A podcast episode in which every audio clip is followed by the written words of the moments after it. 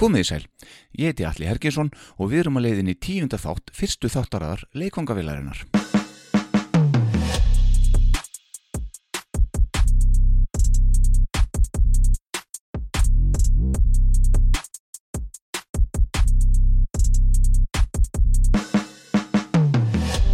Við heyrðum sögunans Inga Tryggva í síðasta þætti og höldum ótröð áfram en það eru aðeins fimm þættir eftir af þessari þáttaröð sem hefur þemað tónlistarfólk frá Akureyri og nágræni. Áðurum við snúum okkur svo að öðrum málum, endilega fylgir svo vel með því. Eins og áður þá er það Estreia Dam, léttul, sem býður upp á leikongavélina. Gestur tíunda þáttar er mikill skemmtikraftur. Hann á sama afmælistag og bæði Elvis Presley og David Bowie. Hann hefur samið og sungið eitt vinsalesta jólalag Íslandsögunar og að mínumati samti hann og söng líka eitt albesta partilag Íslandsögunar. Það er sjaldan lokmótla í kringum okkar mann, vanalega eitthvað í kringum um 1700 vinstig. Hann er auk þess að vera tónlistamæður, góð eftirherma, uppistandari og mikill veðumæður. Hann er grafiskur hönnur sem getur hermt eftir kaffivill ef svo byrjundir. Okkar maður í dag heitir Karl Örvarsson. Hann sló í gegn með stöðkompaníinu hér um árið en hefur þar að auki átt farsalan soloferil og sungið og spilað á hljómborð með fjölmörgum hljómsveitum. Ber þar að nefna síklana, trúbóðana, sjálfan eldvuglin líka og svo auðvitað hunang. Einnig var hann afkastað mikill í söngleikum hér á árum áður. Hann er aldeilis með tónlistargenin í sér rétt eins og bræður hans þeir Alli og Gretar og nafni hans Karl Örvarsson. Enda eru þeir sinir hins eina og sanna Örvars Kristjánssonar, harmonikuleikara. Það var ljóstum leið og við hófum spjalli okkar við Kalli að við færum ekkert yfir þetta allt saman á klukkutíma. Þetta þýðir það að þátturinn í dag verður heldur í lengri kantinum en ég lofa góðri skemmtun í staðin. Við töluðum mikið og fórum um víðan völlin og glemdum að tala um það þegar okkar maður, hann Kalli, plattaði hljómborsleikara Whitesnake til að spila inn á lægið Eldföglin um árið. Á leiði hljóðverið baðan um salat fyrst og okkar maður kerði með hann á salatbar Eka. Gallin var bara að sá að hann meinti ekki þannig salat og þurfti Karl því að ringja nokkur símdöl eftir rétta salatinu, ef svo má segja. En við skulum heyra alla hina sögunans kalla. Við hefjum þó leikin á fyrrnemdu partilagi sem við tengjum öll svo um munnar við Karl Örvarsson.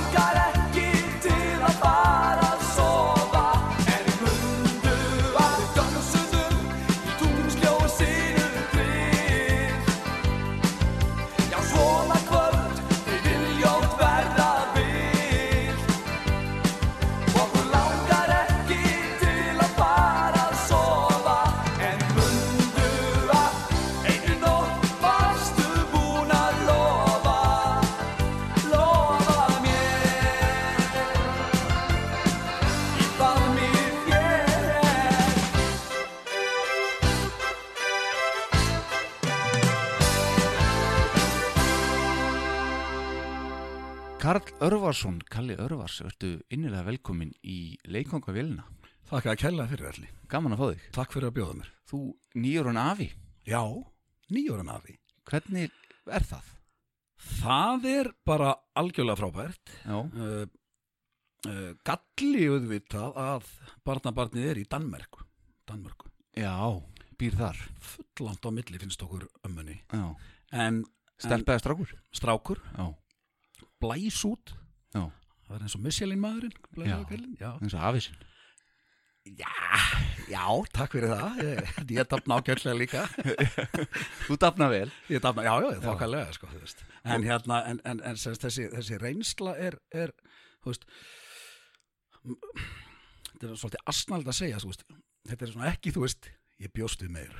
En þú veist, það er langt á milli og ég maður var svona einhvern veginn pínu búin að setjast í einhverja stellingarna, þú veist, bara, já, já, þegar, þegar litli fæðist, þá ætla ég að hætta að reykja.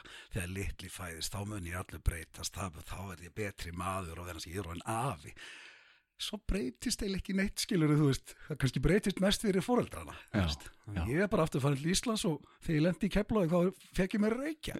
Akkurat. og stenglim, æ, ah, aðja Við fyrsta tækifæri, fyrsta er reykja. já, ég raunverulega breytið þá sögunni Já, ég ætla að hætta reykja eftir að hann fæðist ok. og það er ennþá skilur og það er bara, hann er fættur og Já, núna er eftir að hann fæðist. Já, Þannig að ég- þú hefur svolítið tíma. ég hef svolítið tíma nefnilega Akkurat, akkurat. En innlega til hamingjum þetta að vera hún afi. takk kærlega Hlýtur að vera frábært. En, en hérna, hvað, þau búið í Danmörku, hvað er að gera þar? Uh, hún Björg okkar, semst elsta dóttir, eldri dóttir, við hefum þrjú börn, Mhm. hún sem sagt hérna uh, flytur fyrir hvað, uh, 10-12 árum til Danmerkur, hundleið á Íslandi, þetta er alltaf bara hérna eftir og kringur hrun og uh, hún er bara orðin nettur, það er svona, já, hún bara, henni líkar alveg óbúslega vel í köpunahöfn og, og Tala með reym. Hún talar sko, hún, hún sagði raunverulega að hún bara einsetti sér að ef ég get ekki talað dönskun almennlega þá mun ég aldrei vera tekin almennilega inn í vinasamfélagi öll þessi samfélag sko, vinnusamfélagi, vinasamfélagi, danska samfélagi og hún talar helviti góða dönsku. Ok. og hérna en hún, en- sko ég heyr ekki hreiminn en Nei. danirnir heyra hreiminn þeir eru ennþá stríðin á því þú veist, ég heyr enga mun þegar hún er að tala við mannin sinn en hann veit náttúrulega að hún er með alveg hörmulegan hreim en hún komst mjög vel inn í samfélagið og, og líka æðislega vel þarna sko. Já, hann er danskur. Kespa, Ok. Hann er Og danskur. heitir Kaspa. já Ok. ég stakka ég mitt upp á krakkin hérna hvað er ekki Jesper svo eignist ég Jónatan mögulega og, þú veist, og, þetta var ekki þetta var svona eitt af því sem var ekki samþýgt sko. En byrju Karl, er það ekki líka dansnafn? eða? Jó, jú, það er ágætlega danst en hann, hann, hann, hann, hann, hann Er búið að skýra? Nei, það er ekki búið að skýra, það er búið að nefna Já, Hann heitir Viktor Emil ok. En þú færður örgulega Karl í daginn. Já, já, já En Galli minn, við ætlum að hérna, fara hans yfir þinn feril í, í tónlistinni. Já, Búin að vera að hitta hérna, fullt af tónlistamönnum frá Akureyri já, og nákrenni og hérna vinið þína til dæmis. jú Heiðar Ingi er búin að koma hérna, Rökkvaldur Gáða er búin að koma hérna. Báði búin að vera með í hljómsveit Akkurat. Þannig að hérna nú ætlum við að taka þitt teika á þetta allt saman og hérna byrjum að þess að byrjunni Ok, og við hans tilbaka. færið dálítið langt aftur Já, við ætlum að taka kannski úlingin Karl Örvarsson og, og hérna geima af hann hanglir síðar. Akkurat Og hérna, hvenær byrjar þú að spila á hljóðfæri og, og, og svona innbyttar að ykkur leitið að tónlist? Sko, það er náttúrulega bara eins langt og ég mann aftur sko. Já. ég, hérna, ég, ég sko ég man eftir mér á stoforgelið hjá ömmu og þá sko fór ég að útsetja sko þú veist, þá, þá, þá svona fattaði ég ef ég fer frá þessum svörtu nóturnar koma tvær saman Já. og við fer nýr á hvítu nóturnar sem eru þú veist symmetrískar eins sko og ferði í báðar áttir jæmt út frá þeim og, og rétt og speglar það alltaf þá útsett ég semst hérna og þú tekur hinn áttina þá, þá rattar það rétt stefið og þetta eru á tveim stöðum á orgelinu sem þetta er svona symmetríst það öðrum meinar það í dúr og hinum meinar það í moll. Þetta fattaði ég þegar ég var bara sjö, sex á, sjö ára eitthvað svo Já, var það? Já, Var ammaðin að spila á piano? Afi, Afi, Afi. spilaði á orgel sko. Þetta er orgel og hérna og það er náttúrulega gríðarlega músík í sem sagt, uh, því að þú veist, flesti náttúrulega tengja þetta við örvar, Já, harmonikuleikarinn gamla. Faðin. pappa. Og, og hérna en, en það er náttúrulega bara jafn mikið hinnum einn en það fer meira í klassísku áttina sko þar. Og, og hérna pappi, pappi er já uh, balltótnin í okkur er þeim megin og, og, og Já, akkurat. popparinn, popparinn sko ég man nú eftir því bara sem krakki að það voru til hljómplötur með, með föðinum á heimili mínu. já, er það ekki? Jú, jú, eins og örglega öllum heimilum eh, allavega þarna fyrir norðan. já, allum samt betri heimilu fyrir norðan Betri heimilum, já, akkurat, vel orðað. en sem sagt hérna já, svo náttúrulega fyrir ég ég fyrir tónleikaskóla fyrir að læra saxafón Já, og hérna, hann var reyndar grátið þann daginn, sko, þú veist, ég það fór inn í tónleiskaskóla með mömmu og við vorum svolítið sein. Og svo liggur þarna gull slegið hljóðfæri sem þótt alveg ofbóðslega flott. Já. og, og ég bara, ég læra þetta. Já þá- þú varst ekki ákveðin á hvað ætlar að læra á. Nei, nei, bara, bara, bara hlaðborð. Hvað viltu? Já, og hérna, ég fyrir bara að benda á saxafónin og það er bara, nei því miður það, kom hérna einn á undan, hann var að pandan. En við erum með líkt hljóðfæri sem heitir klarinett það var beint, svart og mér varst það hundómerkilegt alveg bara, ég bara, nei mér langaði ekki að læra þetta og fór að gráta og hvað ertu gafall hana? ég er eitthvað sex ára eitthvað svo leið, sko, Já. sex, sjö ára eitthvað svoleiðis. ég var, já, já, jú, ég var nú svona sjö öruglega, sko, þú veist en klarinettið fannst mér eitthvað bara mér fannst það bara eitthvað ekki flott Nei. fótni var flottur, hann er töff, sko En þú lærðir svo á saxofóni í þrjú árið ekki? Jú, vegna þess að sko, svo þegar ég kem aftur í tónleikaskóla þá hérna var það þannig að hérna, og, og, og nú nefni ég engin nöfn, en hérna þá var það þannig að eftir einhverja, þú veist það sem ég er nú með klarinettið eitthvað, þú veist áhuga lítil frekar, þá er það þannig að, að hinn sem fekk saxahónin, hann var bara vinsalega speðin að hætta, af því að hann hafði ekkert þarna að gera. Nei.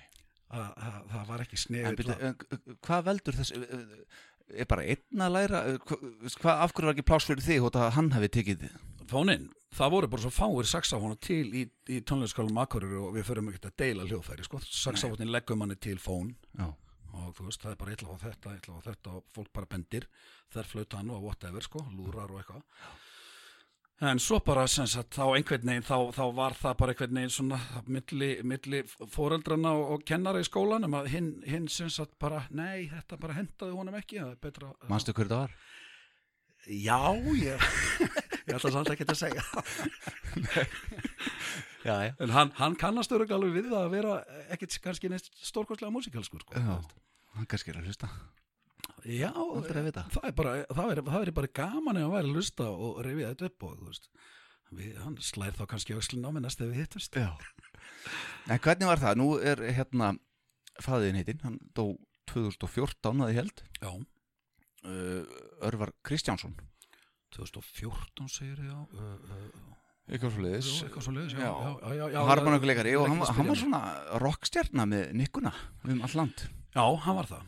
Uh, hann var hérna, hann var sko, hann var alveg feikilega góður harmoníkuleikari og, og svona ég, sko, og svona reynandi að vera ekkit vola hlutdrægur, þá, þá, þetta hefur maður heyrt í þessum Gretti Björnsson, Bræi Hlýðberg, og einhverju svona frægir íslenskir. Já.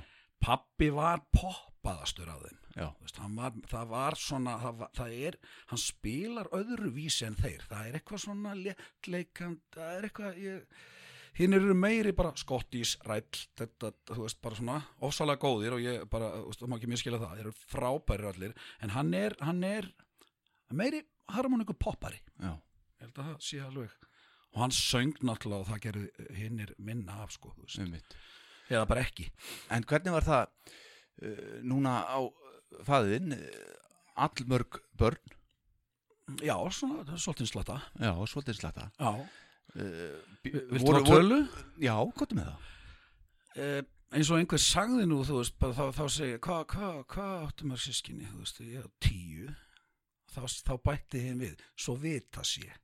En hérna, en svona, Er eitthvað að bætast við? nei, nei, það, Nei, nei. það hefur ekki gerst, sko, Nei, en það, það, hefur, það hefur leiði kannski undir einhverju smá grun einhver staðar, sko, Já, og nú, nú, nú er náttúrulega nafnleind aftur, sko, allir minn, þetta, já, já. þetta er hérna þá þrátt fyrir að ég veit að við séum ekkert að þú veist hérna, ég sé ekkert að gaspra hér út á BBC en eitt svoleiðir skilur en þá, þá veit ég að þetta er öllum, öllum hérna sem staðgengilegt, þannig að já við erum sem sagt 11 Já. sískinni, Þið eruð allir samkvæmt opinberum tölum Já Og bjöggu, fimm allsískinni Já, einmitt Já.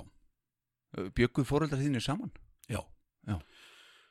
sem sagt uh, pappi finnur mömmu eftir að hann er þá búin að vera með mömmu Grétars Og alnafna þíns. Og nafn, nafna míns. Já, já, já, já nafna þíns. Hann, hann, hann er aðeins rúmlega ég já, Karl Birgir.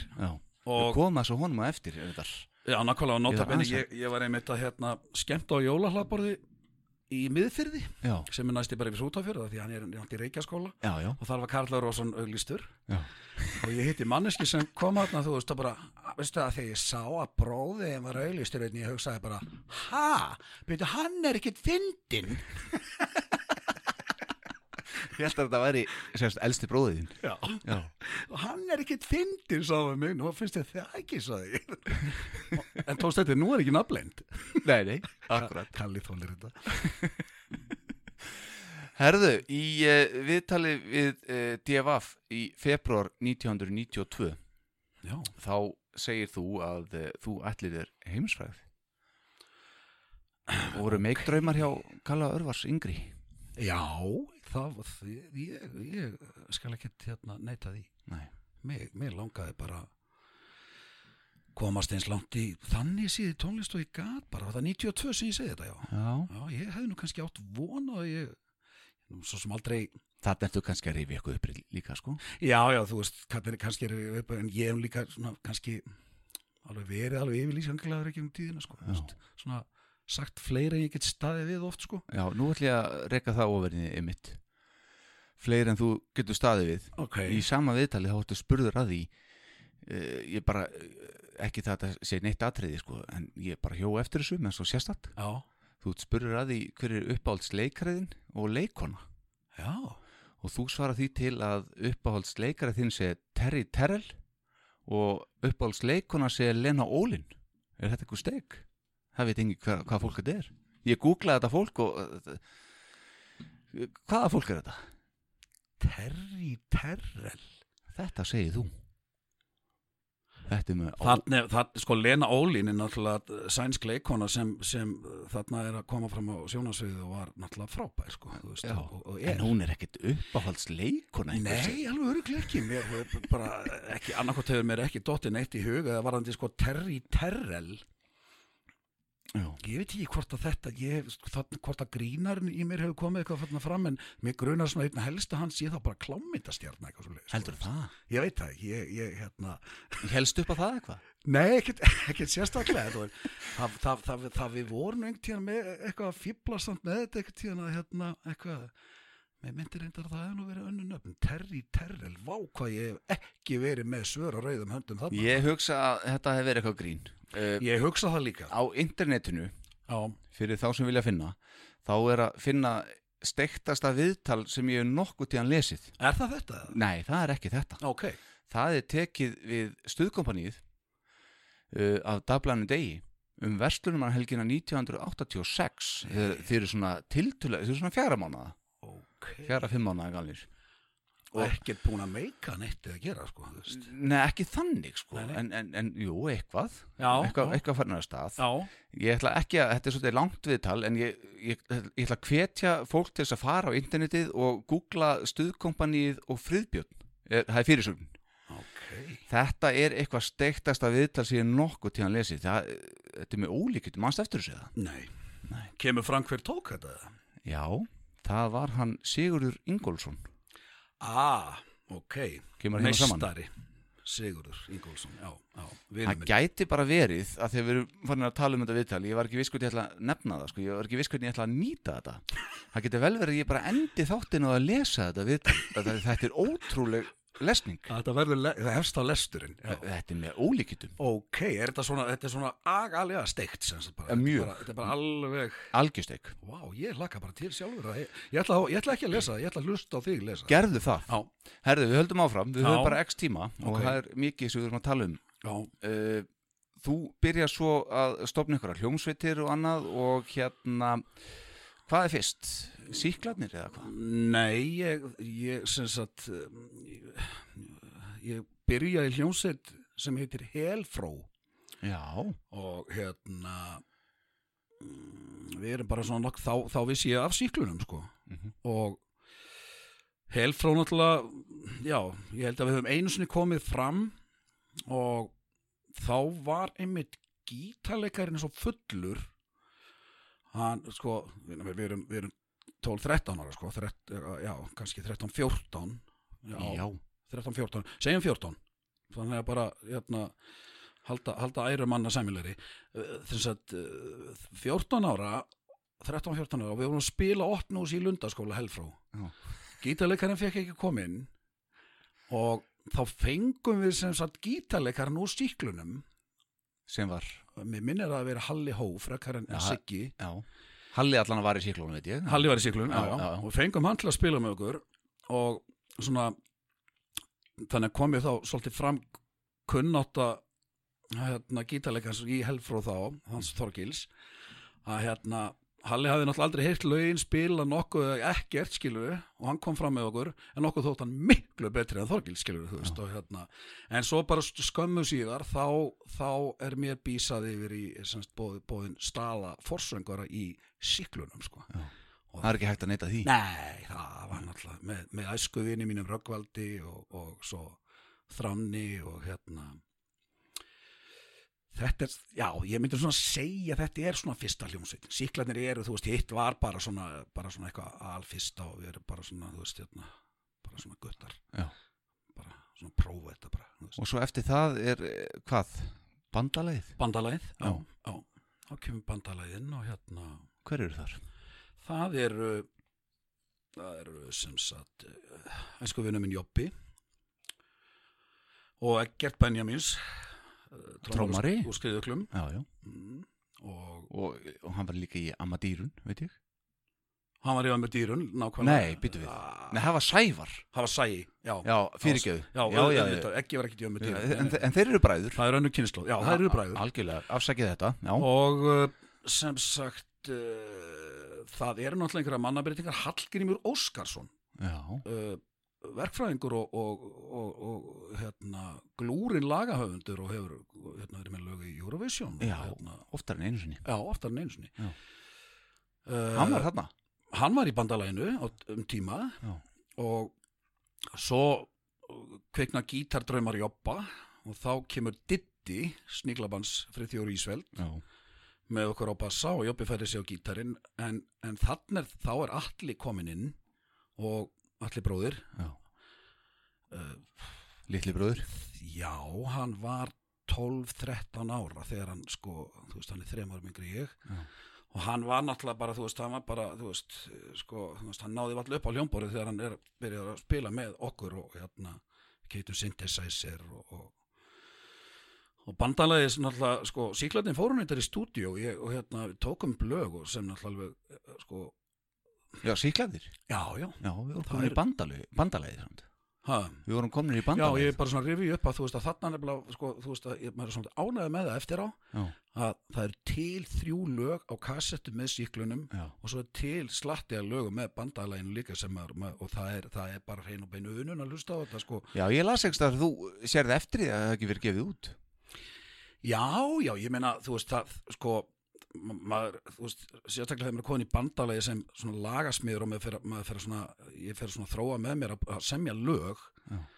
að, sko, mér er þetta, mér var og var alveg bara mjög auðvelt. Mm Þetta liggur bara vel fyrir mér, sko, veist, og hérna, að, að bara, þú veist, og svo, svo, svo dæmaður um hvort, hvort einhver finnst það gott eða vond, en þú veist, fyrir mér er auðvelt að koma þessu út, bara leggja niður, já, nú komið lag og yfir til ég sest við píanó þá sest ég ekki við píanó að spila eitthvað með Billy Joel eða, eða þitt eða þetta því það er svo flott, þá sest ég alltaf niður með fyrir augum. Að nú ætla ég semja eitthvað. Já. þannig að, þannig að þú veist, það er bara svona, það eru, það eru flott lögatinn á milli að Já. mér finnst enn þann dag í dag sko, þannig að þú veist, þetta, þetta mátt koma út. Semur alltaf á píanó. já, ég sem eiginlega alltaf á píanó. En uh, Hver eru þínir svona influensarar? Þú nú mikið David Bowie aðdáandi. Já þegar, þegar, þegar hérna Olga sýstir raunverulega gegnum baraflokkin þá kynnist ég bái fyrst og það er bara þú veist, það er bara, ég, maður er bara kolfellur sko, þú veist, það er bara, þess að ég hafði aldrei heyrt neitt flottara sko, Nei. veist, bara En talandum baraflakkin, þú hérna og þið í síklónu hefur aðeins tilbaka þetta er aðeins pínum fram tilbaka okkur þið hittu nú upp fyrir baraflokkin já, sagði þér okkur frá því eða, Já, hann sagði þetta frá því en, en, en hérna, þá var hann að tala um hann fekk ekki að snerta bassan sem hann egnaði svo síðan meir sko. Já, ok. En hérna, En var hann nógu drjúur þegar hann sagði frá því? nei, öruglega ekki. Nei, ég, vegna þess að þarna, þarna náttúrulega sko, komst maður fyrst í snertingu við meikir, Já, einmitt. Að, að koma fram í pásu hjá barafloknum Já, uh, í, eða hit, nei, hit upp fyrir ekki, já, ekki pásu, Nei. hit upp að hérna þetta var í gagganum sem er náttúrulega okkar bara höfuð vikstöða þá. Baraflokksmenn náttúrulega höfðu jú eitthvað farið gegnum einhverjir farið gegnum gaggan en voru bara konur í mentaskóla og þeir voru bara farnir. Já, þannig að þegar baraflokkurinn tekur sitt prógram þá var náttúrulega í pásunni var bara öska bara síklarnir, síklarnir, síklarnir og þetta náttúrulega við, hann hafði náttúrulega aldrei verið sko, veist, bara sko, stærri águr en nokk tíma þarna sko, já þetta var ykkar heimaður Já, þarna maður og, og, og sko þegar við bara bökuðum bara flokkin maður strákar og kalla á okkur í Einmitt. Þeir heilsuð okkur ekki mánuð held ég sko. Nei, þarna voru þið búin að meika hann vorum við búin að meika það, þú veist. það Hugsaði þér. Og hérna, mann alltaf eftir í hérna, kannski þráin Brjánsson er að lusta hérna, Hann var trommari í síklónum hann var drómar í síklunum mm -hmm. mm, og, og fer síðan náttúrulega bísaði aðra hljómsveitir sko, og svona, hérna, hálsjö strákarnir stálanum. Já, já, en sem sagt þá, þá var það þannig að sagt, bara þráin er að hlusta þá má það koma fram að hann skulda með framtönn hann skuldar þið framtán Segðu mér frá því. Já, það var nýr í dýnheimum þá sem sagt er ég að tegja mig yfir einhvern bás og þráin liggur svona fram á einhvern veginn með hausinn fram á borðið einhverja hluta vegna þetta. Já, kannski er búið að svona sér of mikið það veit það enginn. e, e, e, búið að fá sér einhverja sopa af einhverju. Og hérna ég kall, er eitthvað yfir honum og kall einhver tíman kall, e, e, kall í einhvern veginn eitthvað og er svona yfir honum þá rí, rí, allt í hennu reysir hann upp hausin og bara ding í framtönn sem sem sagt eh, brotnar og þurft að róta fyrir þetta. Var bara rán- þetta var rándýrt fyrir mömmu þetta á sín tíma og ég var alltaf með svona aðeins dekkri framtönn á, á, á, á tíðanbilið þarna skilur Já, er það? það var svona nettu, já, svona, maður hefði kannski átt að láta slá hana bara alveg úr og vera nettu bó, sko,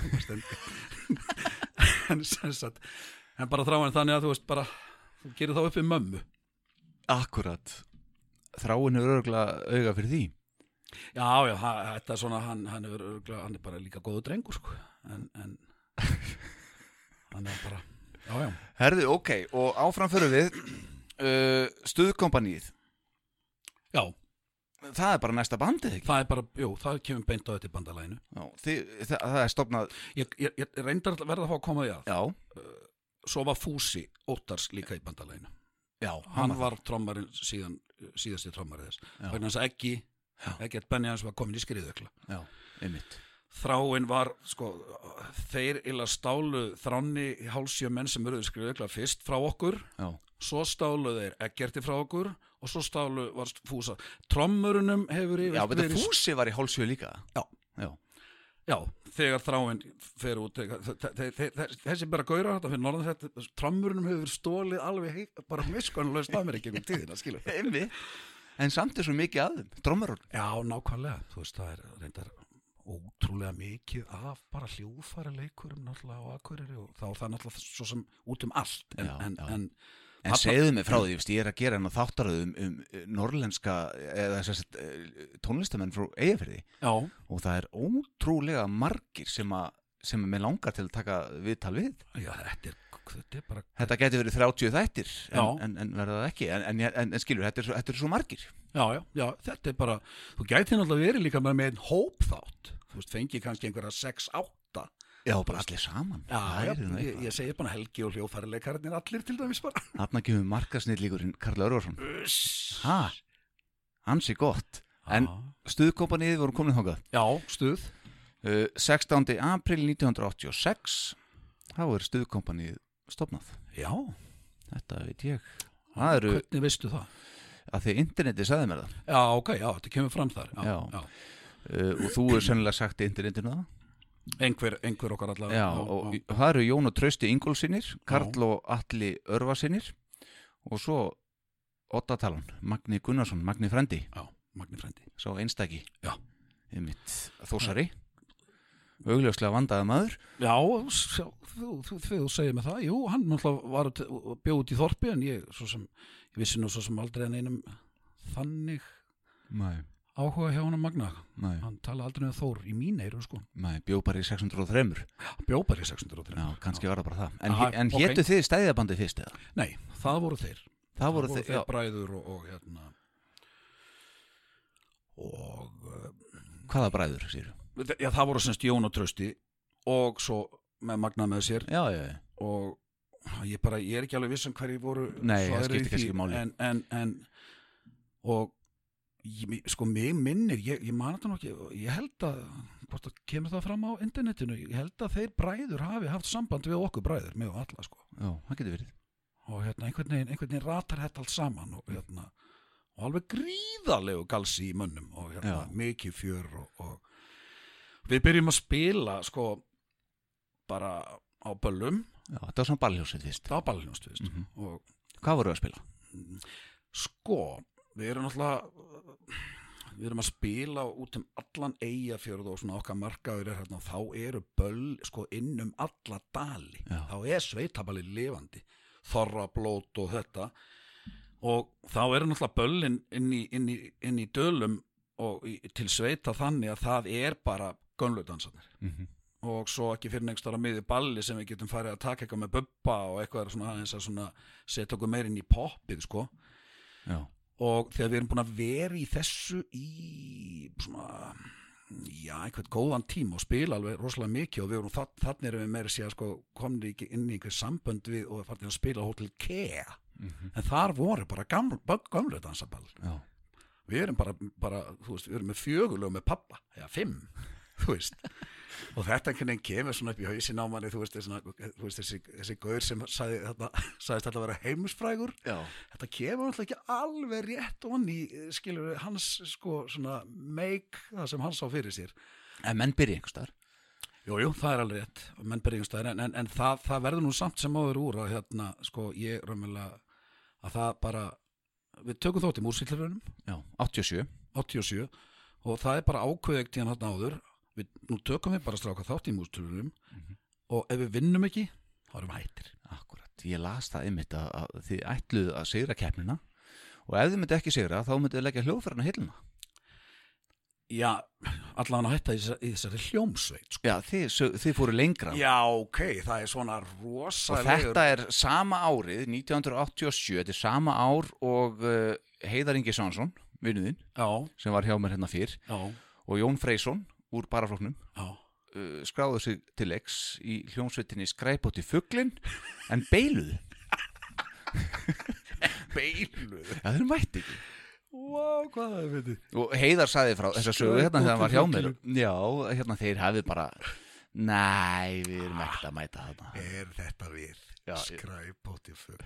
Æ, ég veit ekki hvað, alveg hvað, hvaða hugsun það vekur upp hjá hann sko. Nei, og þarna er Jón alltaf búin að vera í parafloknum og kannski, ég veist. Já, já, já, það verið eitthvað gott fyllir í grín á bifröst og svo nei, við skulum ekki gera þetta en þetta, er, þetta ár, þá vinnið fyrir- þið músitilur, það er bara Já. þannig.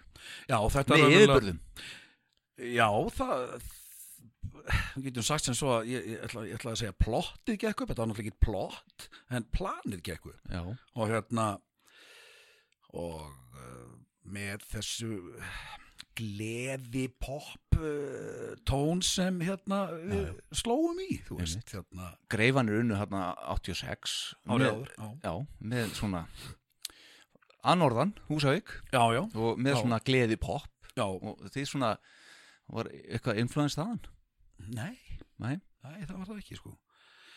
Eh, ekki nema kannski þá bara tíðarandinn okkur langaði bara fett í, eða, þú veist, gera eins og þeir en, en músikinn náttúrulega verður alltaf öðruvís sko, þú veist, þú spyrir um svona hver er inflúra mann, sko, þú veist.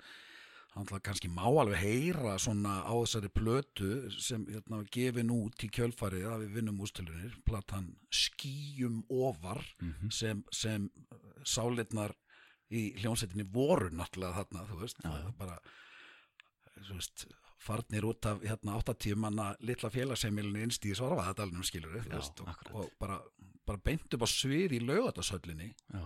og á Arnarhóla á 17. júni og þú veist, maður bara búnir að meika heldur betur og þetta gerðist upp á Ísland já, upp á Ísland sko Já. og þetta, þetta gerist allt ósalega rætt maður er bara hérna þú veist bara já, og nótabenn um, um sömarið þá sem sagt fæði stótti mín fyrsta. Akkurat. sem að gerði þið afa.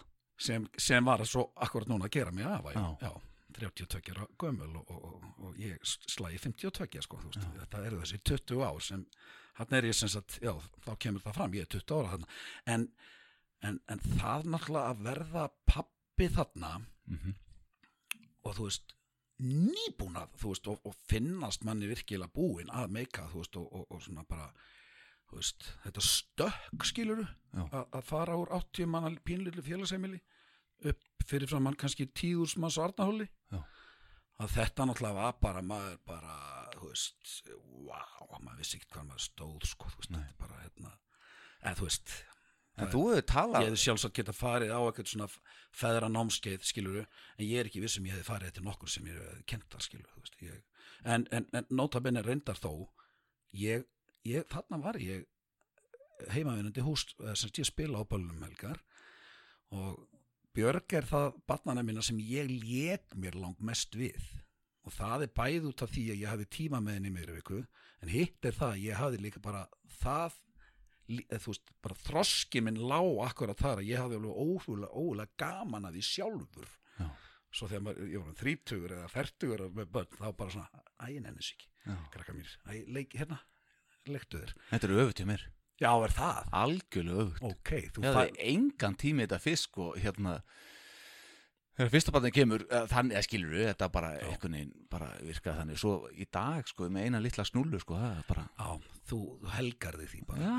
já, já, já, já, já. En, en, en, en, en, svona hérna mm, þetta, er, þetta er allavega tilfinning mín núna. En, en, en, en sem afi náttúrulega á ég eftir að vera með líkla þá er maður komin í allt annað sko. akkurat. En, þetta sumar sem sagt var alveg náttúrulega bara, þetta var alveg styrla sko. en af, af hverju gerðu þið ekki lengri plötu? Þið fenguðu ykkur tíma að launum fyrir að sigra já, í, í stúdiói og, og hérna við áttum bara fjögur lög og það er bara þess svona Við áttum bara fjögur einhver, einhver tvö lög voru einhver í bígerð og fæðingu en þú veist, þetta var bara sem var tilbúið Já. textarnir voru tilbúnir nú þar fyrir utan þá kannski lögum við nú svolítið bara okkur langa við, við erum með brass þarna og, og svona, svona þú veist, eitthvað óvert upp og við eittum bara tímið og líka kannski bara búin sko. Já. við höfum ekki tíma upp meira Nei.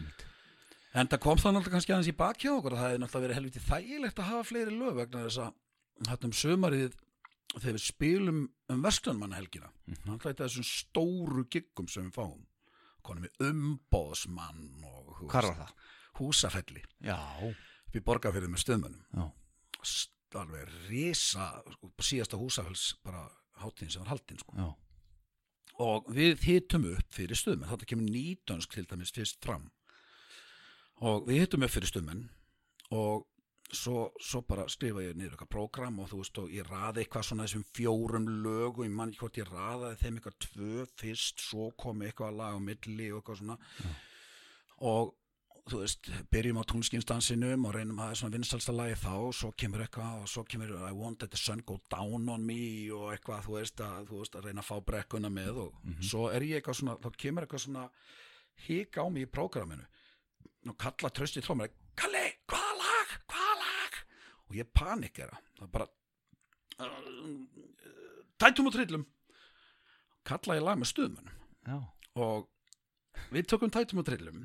Og það, svo endaði þess að við, við tökum eitthvað svona 45 minna klukktíma sett aðna og það endaði með við spilum fjögur lög með stuðmönnum.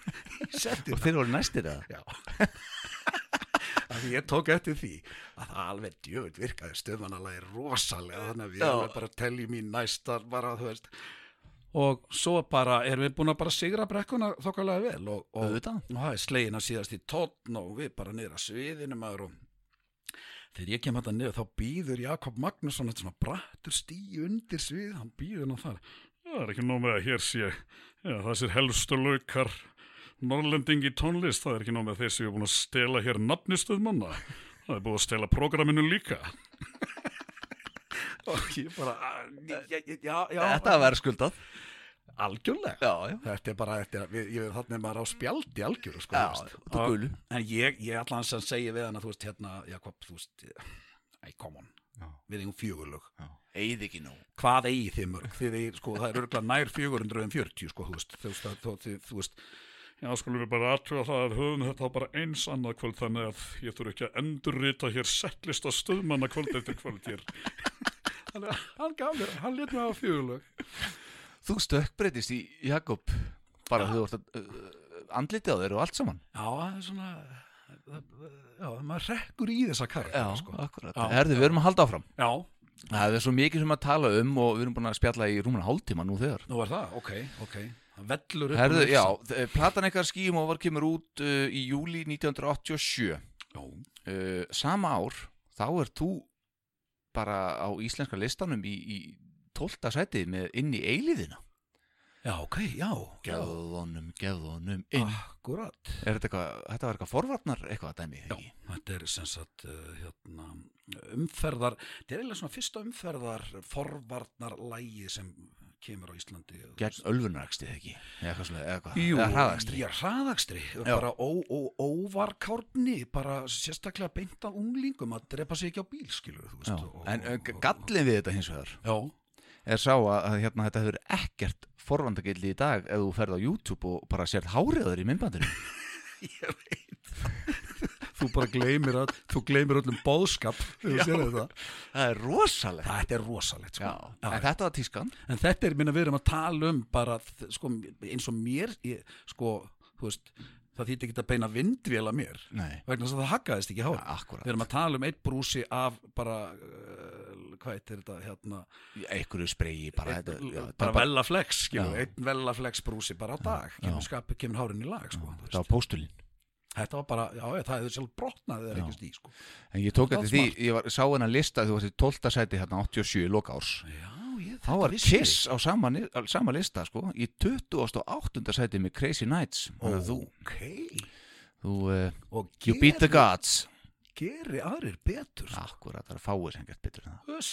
Herðu, 1988 árið síðar kemur uh, önnur plata með stöðkompaníinu, það er 12 tóma Já, Hún heitir 12 tóma, já, það eru tvö lög það eru tvö lög.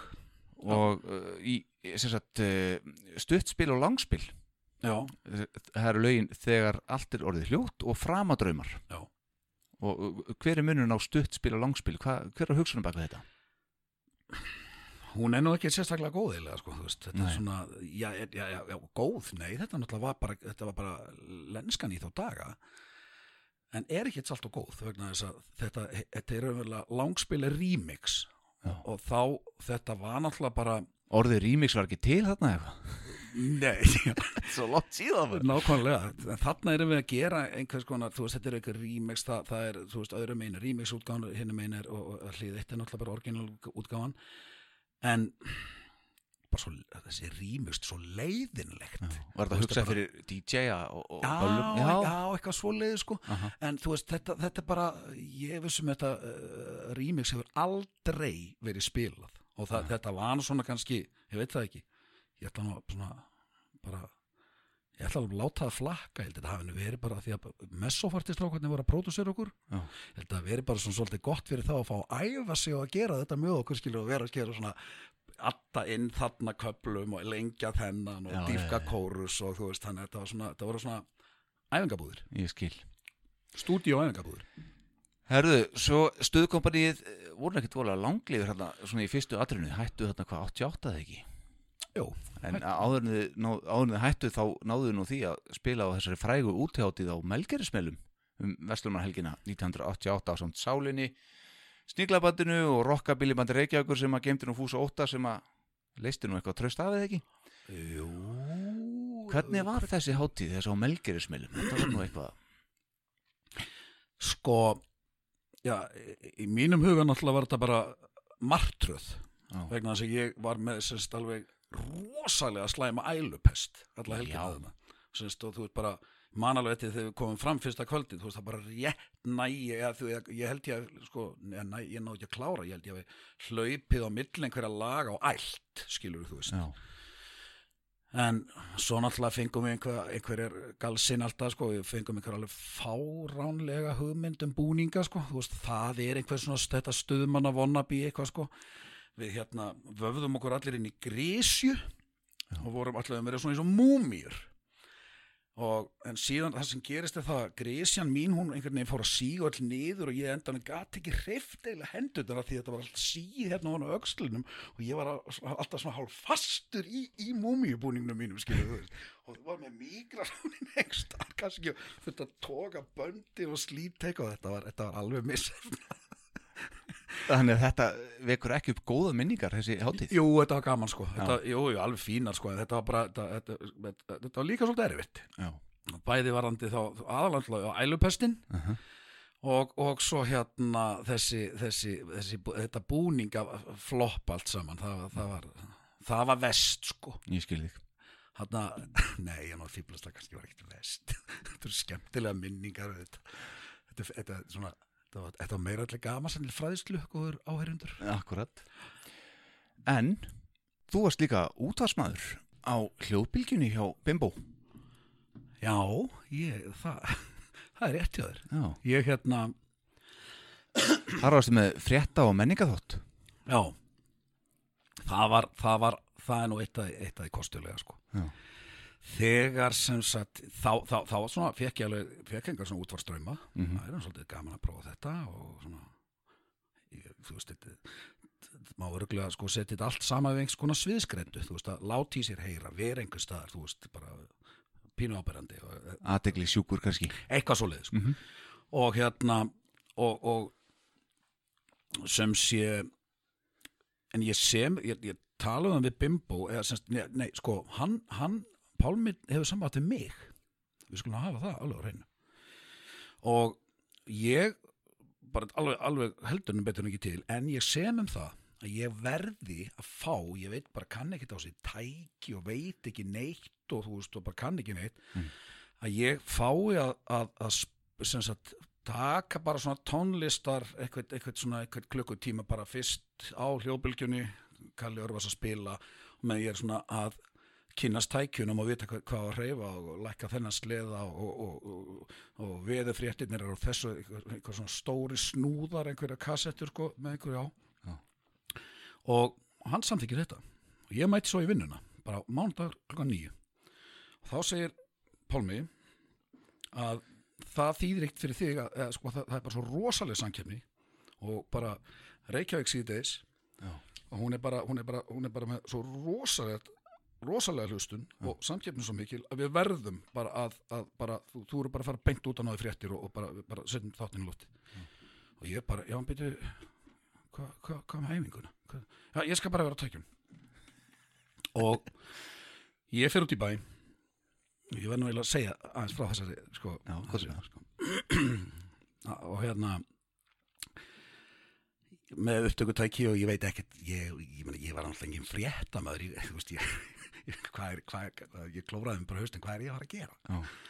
og ég reyna að setja upp eitthvað plan já, sko, dag, hvað er í degi? Þú veist, já, heyrðu salmonella í svömbjarnagerði og ég renn út í svömbjarnagerði og bara, já, tala hérna með fórstjóran eða verstjóran eitthvað, eitthvað sem ræður hérna? Hann kemur hérna, að ég?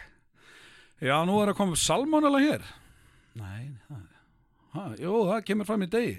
Já, það er bara búið já, já, en, en, en er þetta ekki hrikald mál? Nei, þetta er bara, bara ég ætla ekki að tala um þetta með já, en hérna, þessi salmon já, ég tala ekkert meira, það er bara, svo bara var þetta ekki viðtal, sko, hann bara, hann bara alveg offaði þessu, hann laði ekki, jú, þetta er alveg þú veist, það er svolítið bullandi salmonella hérna, maður kaupið ekki ekkin og kjúklingana og okkur, þetta er bara viðbjóður allt, hann alveg, hann gjössalega jarðaði mig gaurinn, sko, Já. og ég bara lappaði þarna með ekkert viðtal. Nei. og þá bara fyrir eftirinn á Akureyri. Og þetta er að voru til og, og hérna þá er talað þá bara að hugsa, já, heyrðu, já, hvað verður malbikað mikið á Akureyri í sumar? Og ég fer upp í skipulag og hérna spyr, hvað verður mal, já, já, strákar, komið sælir kallir ég frá hljóðbylgjunni. Hvað verður malbikað mikið í sumar? Já, ætlum að malbika þessa göttu og svo ætlum að malbika þessa göttu, hvað með víðimýrina? Segi ég þá, ha, það er alltaf hún er ennþá bara ómalbikuð. Já, hún verður malbikuð að næsta ári. Já, já, já, ok takk fyrir það, hvað er ekki víðimýrina hún er búin að vera malbikuð allt, ómalbikuð allt og lengi. Og þeir bara, bara því að hún á það bara ekki að malbika hann núna. Þetta eru fréttir og héræði Þetta eru fréttir hér að sko. svo, svo svona trappa ég þetta niður og þú veist, enda svo einhvern veginn í söðsvörtum albúan í bæ og, og þú veist, og hérna tala við, tala við strákana sem er að malbika. Já. og ég svona gerir svona fréttamannleg og svona, jæja strákar, hvað segið þið hérna, gaman að sjá ykkur ekkert svarað Hvað, seg, segið mér svo, hvað er svona þetta, þetta gula ferlíki sem við sjáum hérna bakvið, hvað er þetta þungt? Þessi er 8 tonn. Já, en þessi hérna? Fjögur. Já, já, og, og, og er þetta stærsti? Nei, það er eitt stærri. Já, já, já. Ok, takk fyrir. Svo bara fer ég með eitthvað efni þarna bara upp og, og hérna, þetta bara upp á hljóðbylgju og er að fara að setja, bara, hvað er pálmi? Ég veit það ekki, og það er engin pálmi. Og ég er bara einn. Og ég þurfti að fara bara eitthvað að klippa niður og þurfti að koma þessu öllu frá mig bara einhvern veginn í anskotanum. Og það er þáttur. Snorri Sturlu, frétt, eða semst íþróttafréttamaður náttúrulega, var Já, já. kannski lengst. Já, já, einmitt. hann, hann var að vinna þarna og hann hjálpaði mér nú eitthvað við þetta. Já. Og svo mætti ég vinnun á morgunin eftir. Þá kemur Pálmi alveg bara, sko, bara eins og þrömiski á móti mér, sko. Að bara, ég bara, hvað, hvað, bara, það bara, þetta voru alveg hræðilega spurningar hjá þér, sko, alveg agalega spurningar, sko. Nú hvað? Já, bara eins og til dæmis með valdaran. Þú veist, bara, þetta var alveg, þú, þú, þannig er þú ekki að spyrja fræðandi og leiðandi spurningar, skil, þú veist, bara, þú, bara, bara eitthvað, þú er að spyrja eitthvað sem fólk vil vita. Nú eins og hvað, segi ég þá. Akkur spurður ekki frekar til dæmis, hvað er undir malbygginu? Og þarna, þú veist, ég bara svona, bara svona, datt netta mér andlitið, þú veist, það bara, hvað er undir malbygginu? Það er möl, það er mold, það er berg, það er, þú veist, hvert á ég að til Kína eða, þú veist, eða, þú bara, En þarna lagður bara fréttamennin á hillina þarna lagði ég bara fréttamann á hillinu. Og þú- þú skafst upp, sko. Þú flyttur suður hérna svo En mér langaði reyndar alltaf að gera í framhaldinu þátt sem átt að heita undir malbygginu.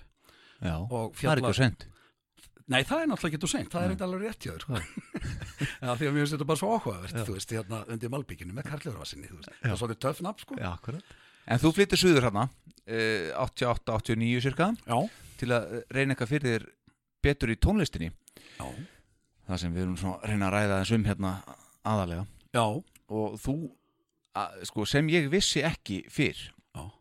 bara því ég fór að skoða því aðeins eh, fyrir hennan þátt, þá sé ég það að þá verður til söngleikja kalli? Já, já, alveg rosalega mörgum söngleikjum. Byrjar hérna þegar Þorsteinn Eggertsson setur upp uh, rockskor og bílahár já. á Hótel Íslandi. Það byrjar, það byrjar samt að vel í sjallanum akkurir, sko. Já, byrjar þar, já. Já, svona sem bara átti að vera svona sjallaskemtun en svo bara gekk hún svo vel Já. að hún er flytt, flutt suður á, á Hotel Ísland, sko. Já, og þarna er nú uh, fleiri menna norðan. Já, já, Ingvar Gretarsson, Raki Sót. Já, já, og þetta gekk ykkur tíma svakalega skemmtilegt sko og þetta er bara. Beatlar og Elvis og Chuck Berry og, og, og, og þessir gaurar algjörlega, og árið síðar þá er annar söngleikur Þorsteinn aftur, þá er Greta bróðin með þér, Saga Beatlana Já. Hvernig var það? það var bara frábært líka, óbúslega gaman það var, það var sko uh, það er bara svolítið hálf, bara asnæld frá að segja það var eiginlega bara svolítið þarna sem ég kynnist bítlunum. Ég er bara, ég er bara, ég kem svo skarpt inn í punk tímabil, 80s tímabil að þú veist, ég, ég var ekkert, þú veist, ég leita ekki það langt tilbaka sko, þú veist, í einhverja þannig nostalgíu, Mhm. það maður var bara svona körrent sko, þannig séð. En, en mér var spýtlætti náttúrulega bara algjörlega sjúkli, ég hafði heyrt fullt af lögum en þú veist, þarna fær maður svona teika á því sjálfur sko, já. Það var alveg veðislega sko og þetta heldur áfram. Já, ok. Sama ár, 89, Já. þá er annar söngleikur, eða síning söngleikir og rock-óperur Já, og þannig er bara allt í einni síningu Grís, Rocky Horror, Cats, Hárið Jesus Christ, Superstar, Evita og fleira. Já, þetta var langstæsta sýningin sko. Já, og, og varst að finna þig í þessu?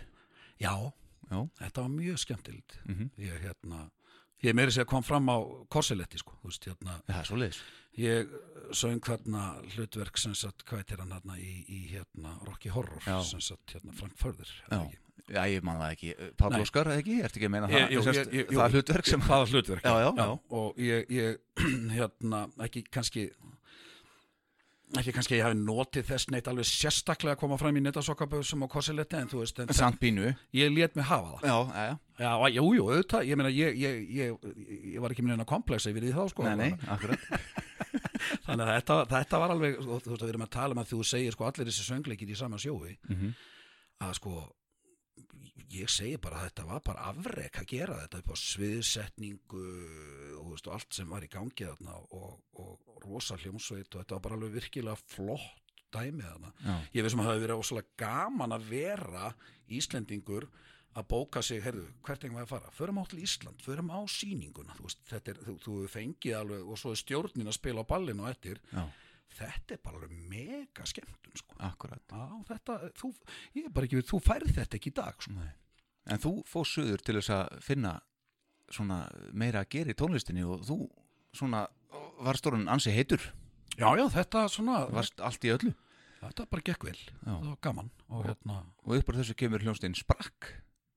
Já, svo, já, svo fyrir sprakk, já, já, það er rétt. Já, og maður ma ma svona, ma maður eiginlega segja svolítið að þú veist að maður svona maður eignaðist náttúrulega fullt af vinum í bransan Já. uh, kynntist mörgum og þú veist uh, það var meira segja einhver hljómsett sem, sem var stopnuð sem hétt Atlantis já, sem kom, í, kom, sem var svona já, sem kom bara fyrir stjórnina inn á Broadway en inn á Ísland Já. meðan stjórnin tók sér frí sko. og hérna að því að við verum alveg nýjir en þú veist þarna, þarna náttúrulega fær maður í bandið þetta náttúrulega kvílíkt mannað allir bróður er með mjög hljómborð. Þorvaldur Bjarnir á gítar Frissi Sturlu á, úr sálinni á bassa og Fúsi Óttars á trómur allir þessi spilar eru náttúrulega upp á bara sko Þetta er ansið vel mannað. þetta er, þetta er alveg á hæsta level sko, en, en við verum náttúrulega samt ó, óþektir og það er þarna sem ég sem sagt tala við Óla Lauf og segi við hann Óli, að því að við erum bara svona þú veist, þetta er svolítið náttúrulega brekka að taka við að stjórninni. Já, þó væri ekki hann að það kannski að við fengjum kannski einhver sérsöðum jakkaföt eða eitthvað þú veist þannig skilur og þetta er náttúrulega sjóið í gangi líka sko. Já, og Andrea Gilva og, og, og, og, Bó er að syngja með mér í sýningunni sko. Og það er þarna sem náttúrulega hérna eh, eitt högg í magan kom sko, er það ekki högg í magan en þú veist, mér náttúrulega þótti það svo óbóst að fyndi sjálfum að ég náttúrulega fór inn í búnisklefa þetta er þannig sem sagt að ég er að koma í vinnuna og Óli Lauf samþykir að sauma eh, sagt, þessi jakkaföld og ég læt setja einhverja svona skipera rendur á mín fött og þetta er eitthvað rosaleg mundering þannig maður og ég mæti í nýju jakkafötunum og í kjallara á, á Hotel Íslandi er fyrsti maður sem ég mæti Björgun Halldórsson fyrir framan liftuna Man, er þetta fræga setningin bara? Þetta er bara fræga setning Varst það þú? Manandi eins og gerst af í gær. Við vorum bara tveir. Það var enginn til frásagnar. Þarna stöndum bara bó bara bara kemur lappandi á móti mér og rennir svona augum upp og niður eftir mér og þá kemur þetta bara nýfödd, samaröddin og það er bara og hérna ég, Þetta varst þú? já, þetta er ég sko. Og, og sko, Þetta er fræg saga. svo lappar hann bara framjá og fer upp á bara ná í viskið sitt. Já, ég stend bara eftir bara svona, ég bara, ég bara svona þurft að ná áttum skilur já, og svo náttúrulega bara eftir smá, smá stund þá bara þetta er sennilega eitthvað flottast að, þú veist, um leið og þetta er náttúrulega bara í magan sko. þetta er eitthvað að flottast sem er sagt við mig og ég bara beint inn í búnisklega hvað aldrei að bóa við sagt við með þarna frammi maður. Og hérna þetta náttúrulega bara var bara svona frasi bara svona, þetta er bara svona eins og instant hit já, bó sko, Já, ég menn þetta er þannig, maður hefur oft heyrt þessa sögu. Já, og hérna maður hefur sagt þetta, nýr jakki sama röddin, já, já. en ég vissi ekki að það veri þú, þetta var ég fórnalam sko. en, en hérna einhver, ég man ekki hver það er á samt uh, besta tilsvar til bó uh, bara ever sem Já. ég hef já, það var hérna þegar að bó spurðan á, í svipiðum aðstæðum já, visti ég hver ég er? þá kom svarið, jú, ertu ekki þulan á stöð 2? já það, það, það hefur verið pönsað á móti hjá kallum Já, Já, varst þú ekki þulan á stöðu 2? Þennan hafi ég reyndar ekki heyrt, sko. Herðu, 1989 höldum áfram, þú syngur lægið áfram Káamenn fyrir nýkrynda Íslandsmeistara í Knatsbyrnu. Já, Ha, lag eftir Bjarnar Hafþór. já. Þórsaran? Já. Hvernig datt ykkur þetta í hug? Uh, já, um, Salt ykkur röddinn? nei, það, ég held bara, ég held að verið náttúrulega, þetta gekk bara svo anskoti vel þarna með hérna, afsakið Bölva, Já. Með hérna inn í eiliðina, þá vorum við náttúrulega búin að starfa þarna með honum, ég og Alli, Já. bróðir, Mm og, og allir náttúrulega svona uh, pródúserar, þú veist, að mestuleiti inn í liðina og við, við hafi skiptum okkur eitthvað af og, og hérna og þetta var bara sama setup.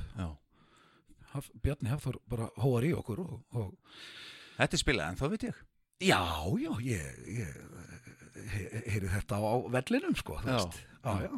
Akkurat. Og, og ég verð glaður sko Já. Herðu, árið síðar, bara erum við að fara aðeins hraðar yfir þetta. Já. 1990, þá ertu komin einhvern kabarett á Hótel Íslandi með Pálma Gunn. ég bara vissi ekki að það hefði svona margt gerst í mín líf, ég man bara eftir bara síðustu helgi og ég ekkert því sem gerist þar á undan skilur Já, þú varst í miðfyrði síðast helgi. Hvaða anskots kabarett var þetta? Ég veit ekki, þetta er eitthvað... Hvar var þetta? eh, á Hótel Íslandi einhver, einhver, einhver síning sem var sett upp þar 1990 Já, mannst ekki svona eftir því? Nei. Nei, þá skulum við bara skauti yfir það og tökum næsta ár. Þá koma áramót og þú skýtur upp nokkur ílum. Og svo 91 þá ertu byrjar að vinna eldfuglin Já. og hérna gafst nú út eitthvað á bandalögum númer fjögur Dans á rósum. Já, svona teaser fyrir plötuna. Já, en þessi plata var eitthvað lengi í bíkir satt? Jú Hún raunverulega sko og það, það, það varð henni pínlíl fjötur um fót. Já. henni var hreinlega bara senkað um ár. Út af? Hún var ekki tilbúin. Nei, uh, það fór það bara fór alveg sko svakalegu tími hana. Mm. Þorvaldur Bjarni er náttúrulega að gera tótmobilplötur samhliða og hann er að pródúsera plötuna með, með mér Já. þannig að uh, á einhverjum tímapunkti hérna um haustið bara hvað, 91 kemur eldfugl ekki 92 uh, Nei, hann kemur 91 ha. áttan þá að koma 90 það, þetta, er, þetta er einhvern veginn þannig nei, ég, nei, kemur hann ekki 92 Það getur verið, Það ég getur held að sé 91 samt sko en, Já, en, en já. þú ert maður sem átt að vita þetta já, ég. já, já, já, en eins og ég sagði þá bara mann í síðustu helgi og með, veist, ég þetta googla En gott og vel, annarkvört árið þá er hann að klára semst þessa plötu þarna með, með tótmó og það, það, þú veist, eðlilega lætur hann sína hljómsveit uh, Já, já. sem satt uh, hérna sitja fyrir. Þannig að eldfuglin býður í ár platan. Og það hefði verið betra hún hefði komið út árunni fyrir vegna ég er heitari. Eða þú veist, það, það, er- það er meira það er svona meira eitthvað kallið að berast á og þú veist, eitthvað, eitthvað að gerast og hérna, og, og þetta svona mm, já, það var ekki alveg það var svona einhvern veginn, það er svona, ég veit ekki, ég veit ekki hvort það með segja hún hún, jú, hún er bara komið ári og seint. Já. En ertu ánæðið með plötuna? Já, Já. ég er mjög ánægð með hann. ég, ég, ég er nokkuð vissum að hún að verða svona pínu köld þessi plata. það er gaman að heyra það. Já. Ég, sko, einhverjum tíðanpunkti náttúrulega bara eins og held ég allir tónlistamenn eitthvað svona, eitthvað komplex, eitthvað, þú veist, þú veist þetta, þetta gamla með að þú er aldrei ánæður, Mhm. þú get, gætir, ég, þú veist, ég gæti ennþá verið að gera hana, skilur Já, já. þú er einhvers, einhvers, einhvers að verða með að sleppa barninu frá sér og leifa því að fara sko, mm Mhm. og, og hérna svo einhverjum árum þá setna þá er maður alltaf náttúrulega pínu óanaði með hana þú veist bara, ég, ah, ég vildi ég hefði geta þú veist, að, hverju, að, að, en svo líður tíminn og í dag þú veist, þetta löngu síðar þú veist, það sem þetta er að verða hvað er þetta verða gamalt bara, 30 ára. þetta er að nálgast 30 árin þessi plata sko Já. sem er, sem er, sem er eitthvað, þú veist, í haustum á mér alveg ótrúlegt, sko, Mhm. það sé svona langt síðan, Já. en þá bara, þegar ég renni þessari plötu þá bara mér stum bara standa alveg ótrúlega vel tíman stönn, en það er náttúrulega líka, líka allir út af því hún er svo vel gerð Já. spila mennskan á henni, veist, og þannig er náttúrulega bara eins og ég nefndi, var að nefna þessar hljómsveitir Atlantis og Sprakk og þetta Já. þannig er náttúrulega bara landsliðið þú veist, ég get ekki fengi ég, heyrði hérna heyrði hann hérna uh, hann hérna mm, okkar, okkar frábæra hann Bjartmar Mhm. tala um ferilin sinum daginn Já. þá talaði hann líka um þetta einmitt Já. Hann er bara, bara verið svo heppin og auðnast það að fá svo óbáslega hæfa einstaklinga til að gera tónlist með sér Já. að músíkin verð, náttúrulega músíkin nýtur þess Já. og hún glampar þannig þannig að bara takk strákar, veist bara sem spiluðu með mér sko Og á þessari plötu þá er eh, hittari 1700 vinstig já, það er, það er. og bara upp á fönnið þá rekna ég það í dag hvað 1700 vinstig eru margir metrar á sekundu, veistu það? nei, ég hef ekki farið út í það, þann reikning. Það er einhverja, það er einhverja Júpiter tölur hljóta að vera Já, sko, mál er þetta lag náttúrulega eldist ekki vel upp á þetta að gera, sko. Það er alveg rétt Já, nei, það, það er það komin ann, annar kvarði sko. Já, það er bara komið kynslu sem veit ekki hvað vinstig er. Akkurat En þetta eru cirka 3900 metrar á sekundu þetta eru 3000, já, cirka 3009 Getur þú sungið það?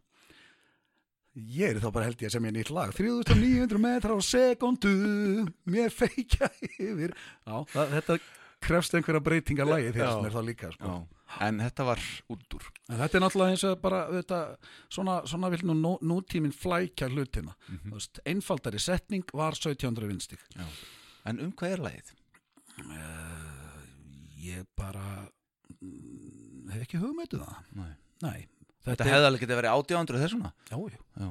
Ég, ég held að ég hef nú komið með 1700 vinstíð Mhm. en, en sko eh, ég gat ekkert klárað um texta Nei. en hins vegar þarna náttúrulega blundar eitthvað í haustnum á mér eitthvað svona Samlíking tígurlaga dalur og ja, það, það er náttúrulega bara eitthvað svona tót, það var svolítið abstrakt Mhm. textar voru pínu í tísku eitthvað að syngjum einhverja svona óræða hluti í staðin fyrir að vera bara einlegur og syngja bara þú veist ég og ásti mín sátum í stofu og, og, og, og hlustuðum á, á brimkló.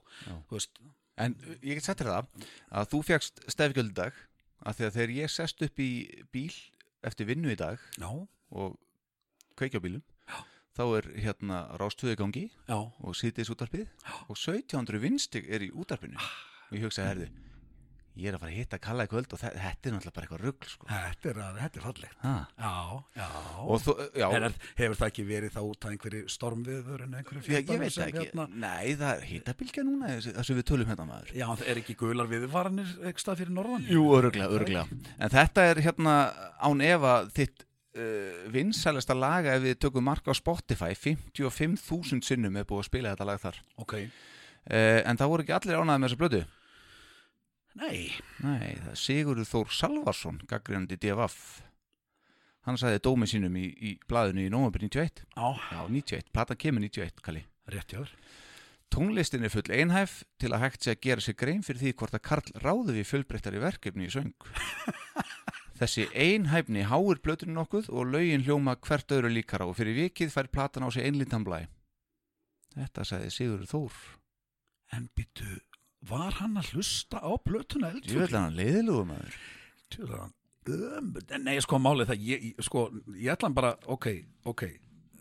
Nú, nú má fólk bara hérna, bara dæma mig þá bara, þú veist, já ok, þólar hann ekki að taka gaggrinni, en þarna er ég bara algjörlega ósammála manninu vegna þess að sko það er svo, það er svo ólík lög á plötunni, þú veist að eitt er svona svolítið simpli red, þetta dans hérna á rósumlægið Já, það er eitt svona eitt rockara skotillag 1700 vinstig er í allt öðrum stíl svo er eitthvað munnhörpulag hérna sem er en það má kannski veist, ég er ekkert að syngja á neitt rosalega sko fjölbreyttu reynsi sko ég, ég, get, ég næ ekki eithóringa skilur þú veist að geta sungið mjög langt niður eða alveg endalaust hátt upp. Nei. Ég er bara svona Þú- enda, enda sko ég, ég bara hef svo sem aldrei litið á mig sem neitt stórsöngvara sko þú veist, þú veist ég er bara hérna gett flutt. Er ekki bara komið tími til þess að finna sigur í fjöru? Jú, Já, hvar býr hann? Getur þú þú googlað það svona hvað? að sjálfsögðu. Það ætla bara að koma við á leiðin heim Öspa bílinas Likla, liklan Liklan, liklan Herðu, svo 91 þá hérna sendur þú lag í, í, í landslæð Já, uh, Dansaðu við mig. Vá maður. Já, þetta er, þetta er árið sem að sem að hérna Anna Mjöll Ólafsdóttir vann. Já, uh, og þarna breytist raunverulega sko þessi hljómsveit sprakk sem þú nefndir. Já, því að það verður síðan hljómsveitin sem var nú kannski smá uh, karriér feilspor hjá þér? Já okkur, já mér, Já, já. mér auðvitað. Uh, þá kemur Gretar inn í bandið með mér til að fylgja þessu eftir. Allir var upptekinn. Og, og hérna, Greta byggði með krafta sína og en við östnumst til að skýra bandið sem er að fylgja plötunni, sóloplötunni eldfuglin áfram mm Mhm. östnumst til að skýra bandið eldfuglin og fólk skildi þetta bara ekki alveg þú veist, hvað, býtu, hvað, býtu hljómsnið eldfuglin er að spila af plötunni eldfuglin sem er þá platan ekki ykkar heldur þín já, já, já, bara, veist, þetta var svona um mitt það var ekki alveg hugsað Nei. þannig er semst eldfuglin í landslæginu Já, það er svoleiðis já. Já. En hérna, að því að Anna Mjöll vann þá er ég með sko góða fréttir og ég með slemma fréttir já, ok uh, Góða fréttirinn eru þau þær að uh, lægiðinnar önnumjallar var sagt uh, kosið vonbriði ársins já, í vinsaldarkosningu pressuna 1992 hvað lag var þetta? Shippy-Doo? Ég- Nei, ég, ég aldrei þorði heitir Ha? ég, ég aldrei þorði já, ok, Ég get ekki sungið fyrir því sko. nei, ok En slæmi fréttin eru að eldfuglum var í öðursæti já, já, já, já, já. Ég, ég, það voru eiginlega vombrið ársinn líka hjá okkur sko. Já, var það? Já, já, já, Já, herðu, við höldum hann fram já. og uh, 91 sama ár þá ertu fann að syngja barnalög. Platan Stóru börnin leika sér. Alveg rétt. Þetta er náttúrulega hérna plata sem að Sigga Beintins syngur hérna uh, hvað heitir það? Snati heyrðu snöggva snati minn? Heyrðu sanga snatun, já, já, já, já. heitir eitthvað annað samt held ég. Ok, Jæja, og þarna syngur þú uh, tvölög Sagan af Gutta. Já, og Komdu niður. Ok syngið tvö, ég, ég myndi nú bara þér öðru þeirra. Já, já, syngur ekki tvö? Jú, ég er ekki Komdu niður með hérna komdu niður, hverður amma. Já, með svona einhverjum effektaröðinni, varst ekki þú? Jú, jú, það er alveg rétt. Það Já. settur svona skrýp eitthvað svona, hérna, svona helium effekt á já, já, já, já. Wow, ok, þannig að þetta þitt framlag í takk fyrir að rífa þetta já, ekkert mál ég, ég, Þú veist, þetta, ég, wow Þarna voru tvö lög, já, Já. Herru, árið síðar Meira, meira það sko. koma aftur áramót og þú skýtur upp nokkrum ílum Já, svo 92, þá er enn ein sýningin. Söngleikja Kalli, hann er alveg á fullu. Já. Það er svo geggjað saga af sveitaballi alveg rétt með Rúna Júl og gestur Einar leikstir í þessu í sjálfanum Já, já, já, já, já. Eitthvað það alfindnasta sem ég bara tekið með verið hendur, sko. Akkur? þetta var bara, þetta var bara svo allt eitthvað svo hilarius fyndið Stefán Tryggvi þetta voru svona fengnið svona áhuga leikarar til að koma þarna fram og, og, og svo Rúni Júl og ég og, og einhver, einhver hérna Jónhaukur. Bassaleikari skriðökla, Jónhaukur. Já, já. hann skrifar sýninguna. Já, ok. Og spilar á bassi henni og, og Koppi Frændi, Jakob Jónsson gítarleikari skriðökla Í hugunangi líka ekki? í náttúrulega líka jú, og þessi bara, þetta, bara öll þessi vinsla og hópur og þú veist ég, ég, ég, held að maður bara grenjaði úr hlátri út í gegnum þennan bara pakka sko eins og hann lagaði sig sko og Ruth Reginalds Var hún líka? hún var fengið sem vinna kvennsöngstjartan í sýninguna Já. já, En hvernig var að vinna með, ef við tökum smá tribut, með Rúna Júl, heitnum? það var geggjað Já. já, næðis Herra Rock. herra rock maður Já. bara hann, hann sko hókin af reynslu Mhm. og, en, en, en sko veist, hann, það er svo lítil flækja á hlutunum veist, þetta er bara gert Mhm. og hann er bara með confident í að bara gera allt beint þú veist, svona, þú veist, eh, sko vandamálin í kringum hann þarna í þessari sýningu þau voru til staðar Nei. hann bara lappa fram, þetta er bara gert og bara, þú veist bara æðislegur hún sko. Já. Herðu, svo hérna mjög margir sem hafa komið tíminn hérna í leikongavélina eru hérna búin að taka oft þátt í Eurovision. Þú hefur að, ég held, aðeins gert það einu sinni. Eða, sem sagt, forkeppnin hérna heima.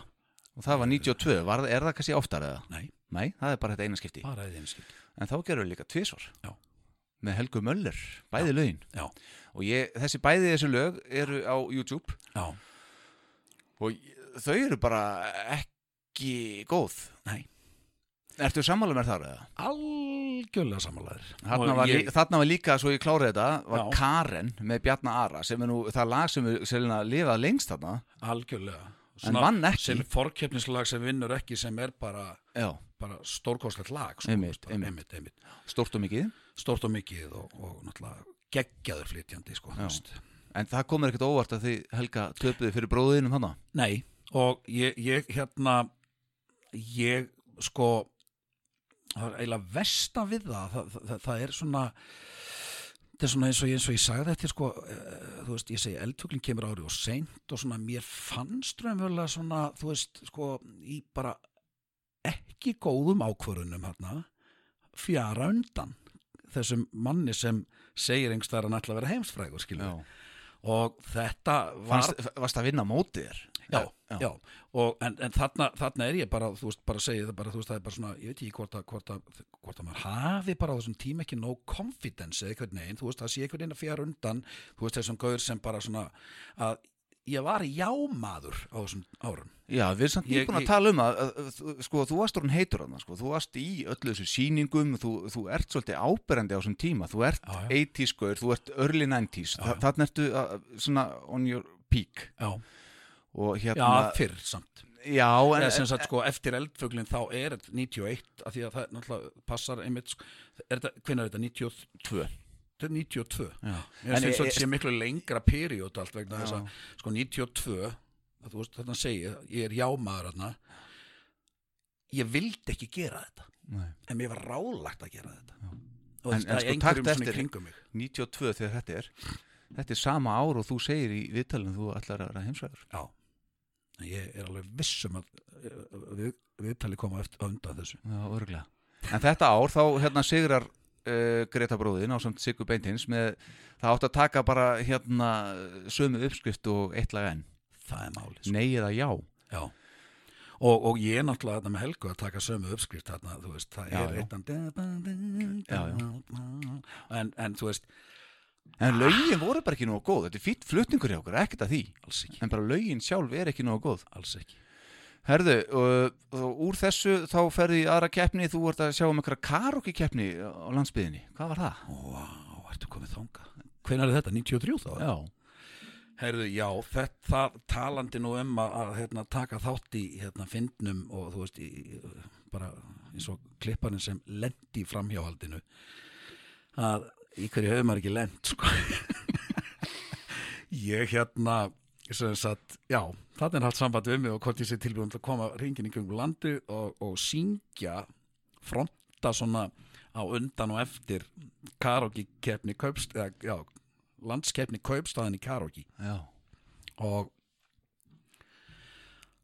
alveg ægilegt fyllir í águr sko. alveg sko, þú veist bara hverjum. Já, það voru, þarna, þarna var sem sagt náðingin sem, sem sagt var með þetta og, og finnur þetta upp held ég nú einhvern veginn bara er hann til Jónas Frans og, og, og átti tvo vini Skemm, eða semst hérna tveir vinir og annar í frí Mm skemmtistæðurinn og þannig er, er, er náungi sem heitir Rósand Birgisson á hana Skaga sem hæði svona ákveðna söngdrauma og lang, langaði, langaði líka svolítið að svona meika, já, svona, já, komast að svona söngvari. Og hérna en hins vegar sko ég man eftir því bara á, á, sko, það, það, það kom mér alveg gríðalega óvart á einhverju gigginu þarna. Þá erum við búin að fara austur og norður og eitthvað svona og ég, ég meina fyrir austan sko klúðuruðum veitni keppnin í algjörlega því að þú veist það bara svona og svo Sigurveri Kvölsins er Guðrún Jónsdóttir og það bara púar allir þá gat þessi auðmikið Guðrún Jónsdóttir ekkert sungið, það var Guðrún Sigurðardóttir sem var alveg geðveikt góð og við þurftum að svifta hana velunum skilur þú veist og, og segja hér eru þau mistök, kontið með velunni það var Guðrún Jóns sem átt að ja, þú veist hvað Þetta hefur gerst á óskatnum líka Já, þetta, já, ok, ok, já, come on Já, en þið voru eitthvað komin nýr í setni björn hann ekki Já, svona aðeins, aðeins komni niður í setni bjórun þarna, þú veist, og við getum sagt að glasið hefur ekki verið hálf fullt, heldur hálf tómt, sko. En, en sem sagt, hérna, sko, minnir að það hafi verið á Ísafyrðið einhverstaðar, að það var svo mikið stuð að það þurfti dyraverði til að halda frá sviðinu. Hvað á segir? karaoke-söng, skilur og þetta, þetta, þetta hans mér er alltaf svona frekar skemmtileg svona, þú veist, svona rifja upp hvað, já, já, maður, þetta, sem er mann, sko, Já. þú er búin að rifja upp helling sem ég myndi ekki Nei, nei. en, en sem sagt að ekki vera með einhverja svona stjörnuljónsveit eða hvað þú veist heldur að syngi karaoke Já. það voru bara dýraverðir bara þú veist við sviðið að hérna halda liðinu frá sko Sama ár þá kemur uh, lag með þér út á plötunni Algjört Skronster Lagi heitir Rauði Draumar. Já, og þú ert eitthvað að fara að krafsaði upp úr hérna einhverju smá læð þarna sem er í gangi hjá þér held ég. Eh, Ég upplifði þetta þannig. Og Já. ní- 94 er verður svo hljónstinn hunang til. Já, já. Ekki satt? Jú, þetta er náttúrulega all, allt alveg stór furðuleg karriérmóð sko, þú veist, og sko, málið það með þessu lagi Rauði draumar ætlaði ég náttúrulega algjörlega að sanna það að þetta Eurovision æfintýri hafi verið eitthvað algjörlega út í, út í bláin og, og ég fer hon í einhverja alveg sko mjög djúpa gáfumanna poppara hólu sem hérna, þú veist, og, og það nánast skildi engin lagi, sko, þú veist, og á þessari plötu er náttúrulega bara fullt af gleðipoppi, Já, en svo kemur þetta bara, en, en nota benni, um daginn já, gref ég þetta lag upp og er bara gaman að segja frá því. Og leiði dóttur minni tvíturi að heyra þetta. Og þetta er bara orðið köll þetta lag Rauði draumar í Já. hennar vinahópi semst, og, bara þú, hún fór að leifa kærastastum sínum og þessum og öllum bara geðveikt lag já, og bara er það gefið út 93 að hljómar ekkert eins og eitthvað svona lög síðan þá, að þú veist Já, ég, ég segi bara, þú veist, ég bara, ég var búin að gleyma þessu eiginlega sjálfur, þú veist, bara svo, bara smellur þetta upp, lægið hljómar ekki einhver svona, bara, þú veist, bara, já, 93, Nei. þú veist, þetta er mjög undarlegt lag, sko. Já, ok Ég þarf að hlusta á þetta, ég gerði það ekki Þú er að gera það. Já, ég er að gera það Já, og hvet bara, hvet allar að gera það bara. Já, Rauði draumar með Kalle Örvas Já, Herðu, ok, ní- við erum komin í hunang 94 já. Við erum komin í 94 maður Það Já, er hellingur eftir, þetta verður langu þáttur, það er bara fínt Þarna, þarna er ég náttúrulega, semst, býið fyrir norðan. Ég fluttu norður. Aftur Já. Já. Og ég byrjaður í myndlegsskólanum á Akureyri og farin að læra grafíska hönnun þar. Já. Og hérna ætlaði ekki verið bara svona fljótlega eftir að teindafæði mig spurði mig, þú veist, bara, þú veist já, hvað er þetta að gera núna? Ég er bara í poppinu, vinnur ekkert með þessu. Já, þú veist, þessi gamla klassíska spurning teindafæður sem skilu, Engin alveg vinna? Engin alveg vinna þú veist, og, og ég, mér fannst ég þurfa einhvern veginn að byggja upp eitthvað sem ég, ég, ég, þú veist, fer ekki bara út í bæ og sækja mér smíðavinnu eða eitthvað skilu, ég þurfa að kunna eitthvað. Já. Og fór að læra grafíska hönnun, auglýsingateiknun og, og, og þetta og bara, og gerði það semst helmi mikið fyrir norðan og, og helmi mikið hérna fyrir sunnan sko. Og hunang? Gáðu plötu, Travolta. Hunang var svona dæmi sem átti svona að þannig ég þyrfti að geti tekið minna á námslánum og, og myndi nú svona framflytta eitthvað fjölskyldunni sko, með verið náminu sko. Já. Og Jú, við gefum plötan John Travolta, Já, sem reyndar átti að heita John Travolta. En? Það bara glemt að segja John. Það er Og svo gefur þú prentun prent- og bara, æ, skiptir ekki. Travolta, ok, bara flott. Já, hérna hér. En þarna er Trösti Harald sem var gestur minnum um daginn, hann, hann, eitthvað hjálpaði eitthvað með þetta. Já, hann uh, hjálpaði okkur í einu Já, og hérna, sem var svona bara hérna, já já, einmitt. Sem er, sem, já, er það ekki sem er eina frumsandalagið á plötunni. Svo þetta eru bara, Já, þetta eru bara tökur diskolög sko. Já, þetta er bara, já, þetta er bara, bara fjögur lög af prógramin okkar Já. sem við, við vorum svolítið svona diskóskotnir og, og, og guð minn almátt hefur, hefur að sé plakatið hérna það sem við erum í diskókulunum hérna ekki? Nei, ok, gott, ég, ég hérna, það er algjörlega hilarious. Já, ég skal trú því. það er það En segðum rétt, sko, hunang hætt aldrei það. Vist, þetta er ennþá til, ekki? Ef þið eruð bókað næstvelgi, þá mynduðu mæta það. Já, já, já, þú veist, ég hérna, ef við erum bókaður í næstelgi, já, sjálfsög, minna, við, við erum til, við, þú veist, eh, eh, það er engin brjáluð eftirspurn og við erum kannski, þú veist, við erum svolítið starfandi svona bara þess sem vinaklúburinn í dag og, Já, já. og ef dettur inn eitthvað sem við nennum og, og hvað finnst bara svona bitastætt og, og skemmtilegt, þá gerum við það. Og bandið er til. Og þarna eru ykkur... og er mjög góð hljómsveit, sko, Já, og skemmtileg ballhljómsveit, já. Og hérna, klaufalega við þetta er sennilega að, að ný dönska át plötu sem er hunang á svipuðum tíma. Þetta rugglaðist einhvern veginn. Ég, ég Og þar kofur það bara hunang framan á, þannig að þetta rugglaði svolítið. Ég, man, ég sjálfur bara uh, svona, hm, byttu við, nei, þetta er... Já, já. En- þetta, en- þetta held ég hefum ekki vitað, ég held þetta, sko, þetta var þannig að við vorum að spilinu á Gauk, Mhm. við hétum síróp, eða nei, marmelaði, já, já, og, og það, það er allt í nöðum bara, bara svona, í, pá, úps, í, í hérna pásunni, bara, bara, einhver fyrir dýra, er, er þið hunang? Já, nei, við erum hunang. Nei, nei, sem sagt, Marmelaði. fyrir ekki marmelaði, já, Já. eru ljóðast í marmelaði eða síra, ég man ekki, já, nei, það erum við, og þú veist, þeir voru bara svona illir, sko, þeir bara, þú veist, að halda þeim bara, og þeir ætluðu bara, þú veist, og við bara, já, fórum eitthvað þrætum þetta og svo bara, þú veist, bara, fórum við niður bara á eftir og hérna, heldum þá nafnasamkeppni, innan bansins. nei, innan, bara út í sali, Já, fyrir salin. Já, og þá varð einhvern veginn hunang ofan á, það þurfti bara þetta, þurfti að vera eitthvað sætt Já. Og hérna bara Eins og þið. eins og við, já en, en, en náttúrulega eitthvað það bara versta sem ég hef bara eitthvað versta sem maður gerði náttúrulega var það þegar við vorum að spila á þorrablótum hljónstunni stundum ellendis og svona, svo hittum við einhver útlendinga og svona fólk og svona fórhætti, já, you're in a band, what's the name of the band? Honey? Já. Það bara ok Já. Pröfa þú að vera í hljómsveit sem heitir Kiss. Já, Það er svolítið, ef þú spáir í það, sko. Þá, kiss já, Kiss, Koss. Samt eitthvað svo cool Já, samt eitthvað cool. Það er náttúrulega ímyndin sem þú býr til utan um nafnið, skilur Það er svoleiðis, Það er akkurat. bara það, þú veist En- en- en þú þú- verður það sem þú presenterar En þú talar um hérna að fara ellendis að spila, þið fóru til Grænlands. Herri, já, Hvernig kemur það til að, að þið farið til Grænlands að spila á einhverju dansiballi þar? það kemur þannig til að við erum að spila á sýningu sem heitir Vest Norden sem er þessi hérna sem sagt eh, ferða, ferða, ferðasýning fyrir hvað þjóðutan hérna bara í Norður Allands eða eitthvað svona, já. Vest Norden svona ferðamála eitthvað. ferðamála eitthvað og það er grænlendingur og hann fannst svo agalega gaman á ballinu og hann spurði hvort við getum komið og spila og við sögum já Já. og Gerðu það? gerðu það, gerðu það þrísvar Já. og Byrju, í þrjár ferðir? þrjálferðir Já, er það? Já, fórum þrjú ár Já.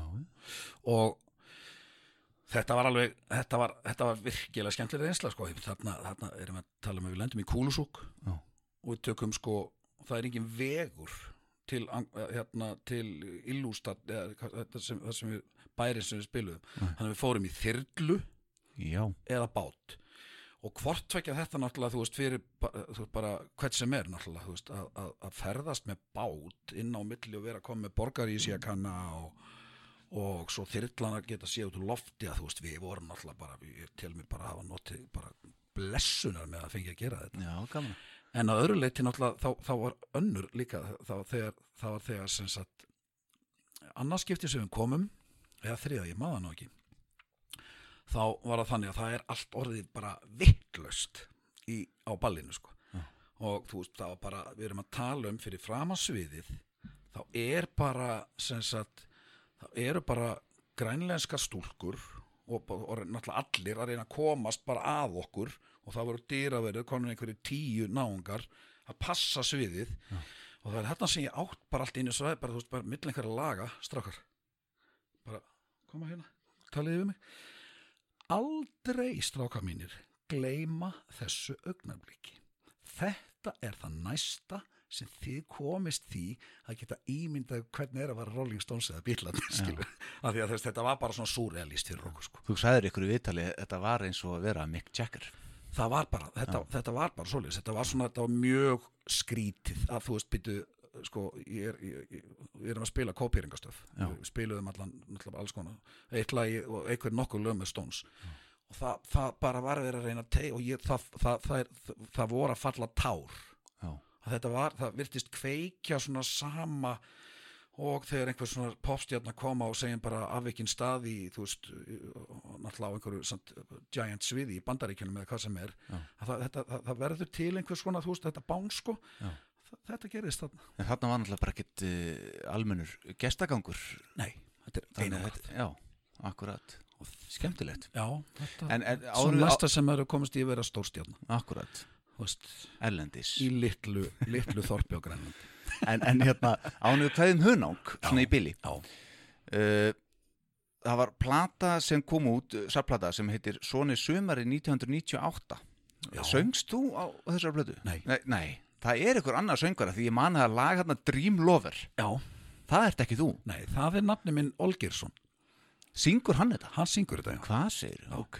Ja, þegar ég, sko, ég man eftir þessu uh, bara uh, sem útastmaður fyrir 20 árum. Já, Þá vorum við að spila þetta lag. akkurat. Og svo því fyrir að rifja upp hérna bara, sem sagt, þinn, eða sagt fyrir að skoða þinn feril fyrir þennan þá tér, þá sé ég þetta og ég segi, anskotin, þetta er ekki Kalli, ég hlustaði á þetta, þetta bara passaði ekki. Þannig að þetta er Karl Olgers, Þetta er Kalli Olgirsson, þarna var ég frí, hérna ekki, ég hérna, árið hvað var þetta, sáður? 94. 94. Nei, 8, 98, 98, já. já, 98. Ég held bara, já, það, þarna, þarna, það hafði maður náttúrulega verið bara non-stop Já, frá 1986 já, í, í einhvers konar bransa og, og bara sattur. Já, ég var sattur og þarna var ég líka nýbyrjar að vinna á auglýsingastofu, útskrifuð að grafiskur hönnur. Þannig að ég bara tók með sem að bremsa bara á þetta. En Herbert Guðmundsson listi líka af eitthvað í hunangi. Var það? Já, Kalli Bjarni líka. Og Kalli Bjarni, Já, hvað segir já, já Já, Já, hérna, ég vissi kom við í hugin og ekki sko. Heldur betur með Tveir úr skriðjöklunum og svo náttúrulega Diddy, Svo er Di, já, Ingo Sig trómari já, sem var nú í síðaskinn sól. Þessi sól. Já, og fleiri, var ekki greifun líka? Nei, Jú, jú, Jú, jú. Jónbósleikari í greifunum. Alveg rétt og, og maður slagursleikari Akkurat. Alli bróður spilaði með okkur á gítar. Tommy Rockabilly hefur spilað með okkur. Já, Tommy Tom? Thomas Blessi minning hans. Stuðmunum, Elsku vinar snillingur. Snillingur. Og bara það sem hann hefur gert fyrir íslenska tónlist er meira heldur en marga grunar. Það er sko þannig maður. Bara sem upptökustjóri og, og bara pródusent og. Og svo bassalikur í hinum þessum lögum sko. Það þyrfti að taka saman feril þessa manns sko, í, í þáttum sko. að eini góðu tónleikar maður. Heldur í betur maður. bara Já, Tom. Lögin, við að tala um sko bassalegina sér til dæmis í þessu fræga geggjaða lægi Afgan með Bubba Mortens. Já. hann gerir lægið Já, ok, ég, jú, jú, hérna er það bandalösi nei, er ekki já En bara ef þú hlustar á Afgan og, og bassaleikin í þessu lægi sem þú gleymir að séu önnur hljóðfæri í þessu lægi. Þetta er bara, Tommy gerir svo mikið fyrir þetta lag á bassan. Þetta er Ok. æðislegt. Svo kemur hann nálagt svo mörg, hann kom nálagt bara flokkin Já, já, Hann kemur dúkulísunar pródusent akkurat. Greifarnir pródusent, skilur Mhm. Já, já, Og, og, og, nei, nei, nei, nei, Bubbi, þú veist já, ótrúlega. Próduseraði plötu með pappa Er það? Já, hann og Þórður Átna Já. byggur til plötu með pappa Þó- Þórður gítarleikari í Stuðmönnum? Sunnavindur, platan Þóruður gítarleikar í stuðmurum. já. Já? Já, Kekjað maður. já, já, já. Herðu, núna að öðru málið maður. Er eitthvað fleira? Já, það er aðeins meira. Ertu tilbúin? Já, Það er dægurlaga söngkeppnin uh, hjá kvenfélagi Skagfyrringa. Þú tókst þátti því árið 2000, kalli minn. Söngst sigur lagið á samt Írisi Kristinsdóttur úr Buttercup. vá Já. Er ég, þetta man ég ekki Þetta var lag eftir, eftir, eftir nafnaðin og bróður. Ha, þetta er Kalla? Já. Fram á rauð á nótt. Já Gaman að því Já. Þetta bara, vá, þess, þetta, þetta var dottið út á mínu minni Já, og er ekki komið enn? hérna, jú, nú það er eitthvað, nú er þetta fæða sko í höfðinu Já, man lítið eftir þessu þannig, ég man sko kemur ekki, kemur ekki brot af læginu sko, þú veist, Nei. sorry, elsku kalli minn þú veist bara hérna, þetta er eitthvað sem ég ætli sé að finna, er, er að finna þetta lag á netinu þá verð ég bara hlusta á það sko, það er bara þannig, já, ok með Írisi í Buttercup. Já, já, á sviðinu í Skagaferði já. Þú manst ekkert eftir þessu, nei? En þarna sem sagt þið eh, unnu þetta og hérna hlutuð að launum 75.000 krónur fyrir og 20 klukkustundir í hljóðveri. Já, sem að vantarlega bróðin hefur fengið en, en ég veit ekki. Það er eh, ekkert komið út af þessu greinlega Já, ég allan að fór, ég, hann hefur, náttúrulega notað hljóðverstíman á vendarlega, en ég, ég, ég, hérna, sko, getur verið að ég muni minna eftir því sem nær dregur bara nútíman, skilur þú veist. Já, mér heyrist Það það er eins og, það er eins og, það er eins og, sko, bara sellurnar séu bara að sellunum fækki bara með hverju árinu, sko. Það, er eitthvað, það er, eitthvað svo leiðis wow. En þarna kemur nú eitt dæmi að því við töluðum hérna í byrjun um það að hérna þið nafnir, nafnanir og bræðunir Já, Karl og Karl Karl Birgir og Karl já, e, að búið að ruggla ykkur svolítið saman gegnum tíðina. Já, já, og ég veit að í, í tengslu við þessa dægulega söngkeppni hjá Kvenfélagi Skaffringa sem er alltaf æðislegt nafn hérna morgublaði talaði um þessa keppni. Já, ok. og þar talaði hún bara um, um, um sem sagt tvo. Það var sem sagt uh, hérna Karl Örvason sem að samti lagið og flutti það. Já, ok, Kalli bróður hefur ekki fengið kredit þarna. Og svo Karl Kristjansen höfundur texta Já, já, já, vinur Kalla. já, hann er hérna en það er ekkert minnst á þriðja kallan hann Nei, nei, nei, Nei. akkurat. Enda, enda hvern, hvernig ósköpunum á fólk að skilja þetta. Ég meina, ég, bara eins og ég, í byrjun þáttarins, ég var að segja, þú veist bara, maður lendir mjög gjarnan í að þú veist bara, fólk bara, býtu, hvað, hvað, hvað pappiðin og uppiskopa með nöfn eða hvað, hvað, hvað er þetta skilur, hvað er gangi? Nei, nei, nei, það, þetta, það er ekkert skrítið þó að fólk, þú veist, þetta er nú ekki alvanalegt sko, að- að- að að- að náskildi menn heiti það sama. já, svona líka. Já. Mm. Uh, en þarna er bara, sagt, þið eru ekki sammæðra. Og, og, og hérna afar ykkar beggja hétu Karl, hét Karl. Báðar, semst, mæður okkar Já. eru báðar kallstætur já, og báðar vildu þær uh, sem sagt skýra drengin í höfuðið á föðu sínu. já, þetta er pappi, merkilegt pappi náttúrulega, æja, það er bara flott og bara verður þess að þannig. já, Þú veist, hann er ekkert vilja að standa í vegi fyrir þessu, það var kannski nóga vesinni einhverstað annar staði, sko, þú veist, í hjónabandinu, þannig að það er ekki að skemma það, sko, þú en þú þessi góða eftirherma var þetta hann? Heyrðu, já, þetta er hann, sko. Ég, hérna, ég hef nú gert minnaði að hermendi pappa eftir hann, eftir hann dó, en sko, við, við erum tölvert svona bræðurnir okkar á milli, erum hérna, sko, við viljum meina reyndar að við séum ekki að herm eftir honum, heldur, erum við bara svona meðal okkar að framleikjan, bara hafa hann með okkur. já, og hérna mjög mikið af, af skemmtilegum sögum og hérna eins og bara já bara frasinn, sko við notum fra, það er fullt af frösum sko veist, einnir snurr og textar. Það var pappi að spila á einhverju balli sko og gaggaball og það er ný gítarleikari og svo bara er stilt upp að um daginn og svo um kvöldi þegar ég kom að þá pappi með einhver alveg, alveg svoleiðis rík stærðarinn að tösku einhverju alveg hliðar tösku og gítarleikarinn eitthvað, hvað? Var, við rótuðum nú í dag, hvað er í sér tösku?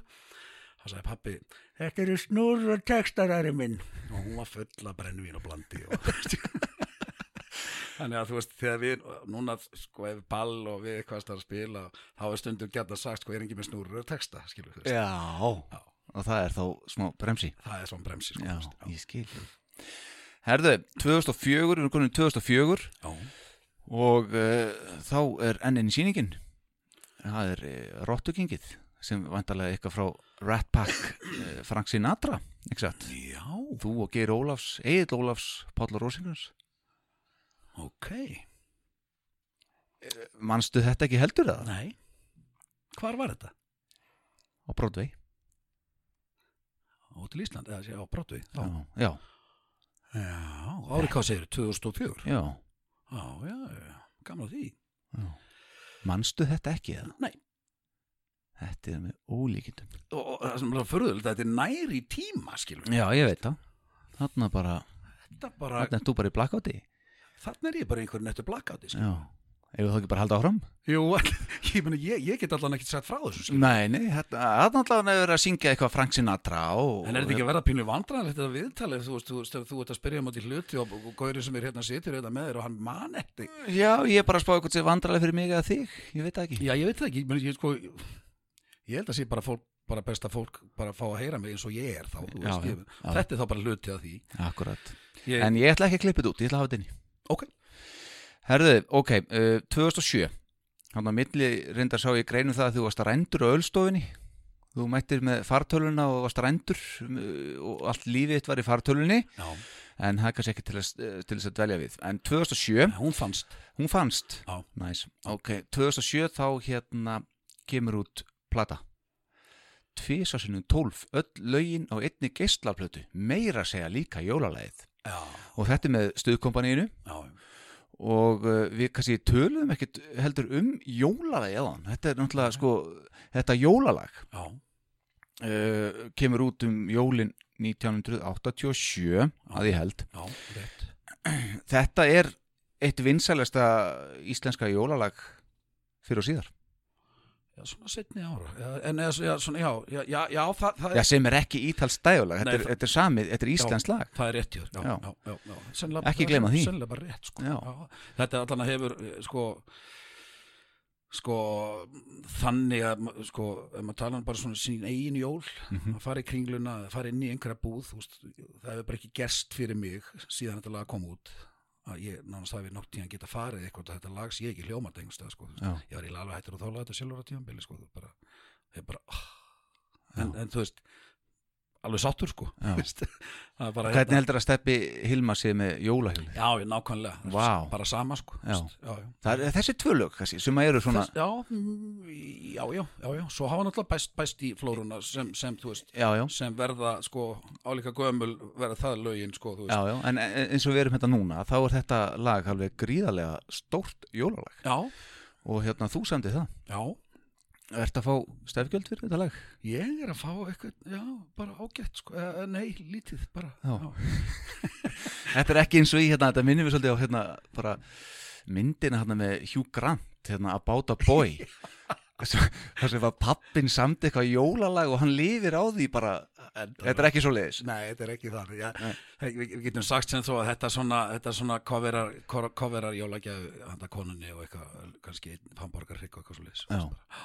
Ok, Mér hefur nú svona, reyndar alveg komið upp í, sko, ég vil ekki hljóma bitur en hérna, hann alveg komið upp í svona hausin á mér, þú veist að svona, svona eins og sé ekki alltaf allt skráð, sko, þú veist að, manni finnst þetta svolítið svona förðurlega upphæð með það, þú veist, bara alveg sama hvar maður kom já, eða kemur, skilur við, það er bara þá er þetta bara allstað, sko. Já, þannig að hérna, stundum hefur við viljað fá meira, já já. kannski öfundum hérna Bjó- ekki, ekki rukka með um það en kottum með smá hljóðbróta þessu lagi fyrir þá sem veit ekki hvað lag þetta er Jó, jólasveinn byrtist hér, jólagjöf gaf hann mér. Svo nótabenni á jólahlaðborun sem ég var að skemmta núna á hann síðustu helgi, þá, þá var ég nú að gera svona bara svona gólall grína sjálfur mér og sagði bara svona að það væri nú svona möguleikja ástæðan fyrir því ég flosna út í popbransanum og svona, veist, þannig more or less, hafi verið þess að ég sendi alltaf texta sem fólk gæti ekki lært. Og við skulum taka dæmi. Svo fór ég að syngja jólalagið og bara, ok, þið syngja með mér. Svo tók ég bara, jólasveinn allir með, byrtist hér jólagjöf allir með, gaf hann mér svo tók ég bara, jóla og liði bara vissi ég hvað var átti að koma næst, skilur þannig að, og það náttúrulega, þetta vakti mikið hlátur, skilur þú veist, þannig að þarna sjáu þið hvað ég er að tala um skilur. Já. það, þú veist, engin veit hvað, jóla hvað jóla jóla þú veist akkurat Þannig að þetta er, þetta er lagið, góðu hlustundur. En svo hérna, komið þið saman hérna, í stöðkompanínu, hvað hva, er þetta símið þinn eða?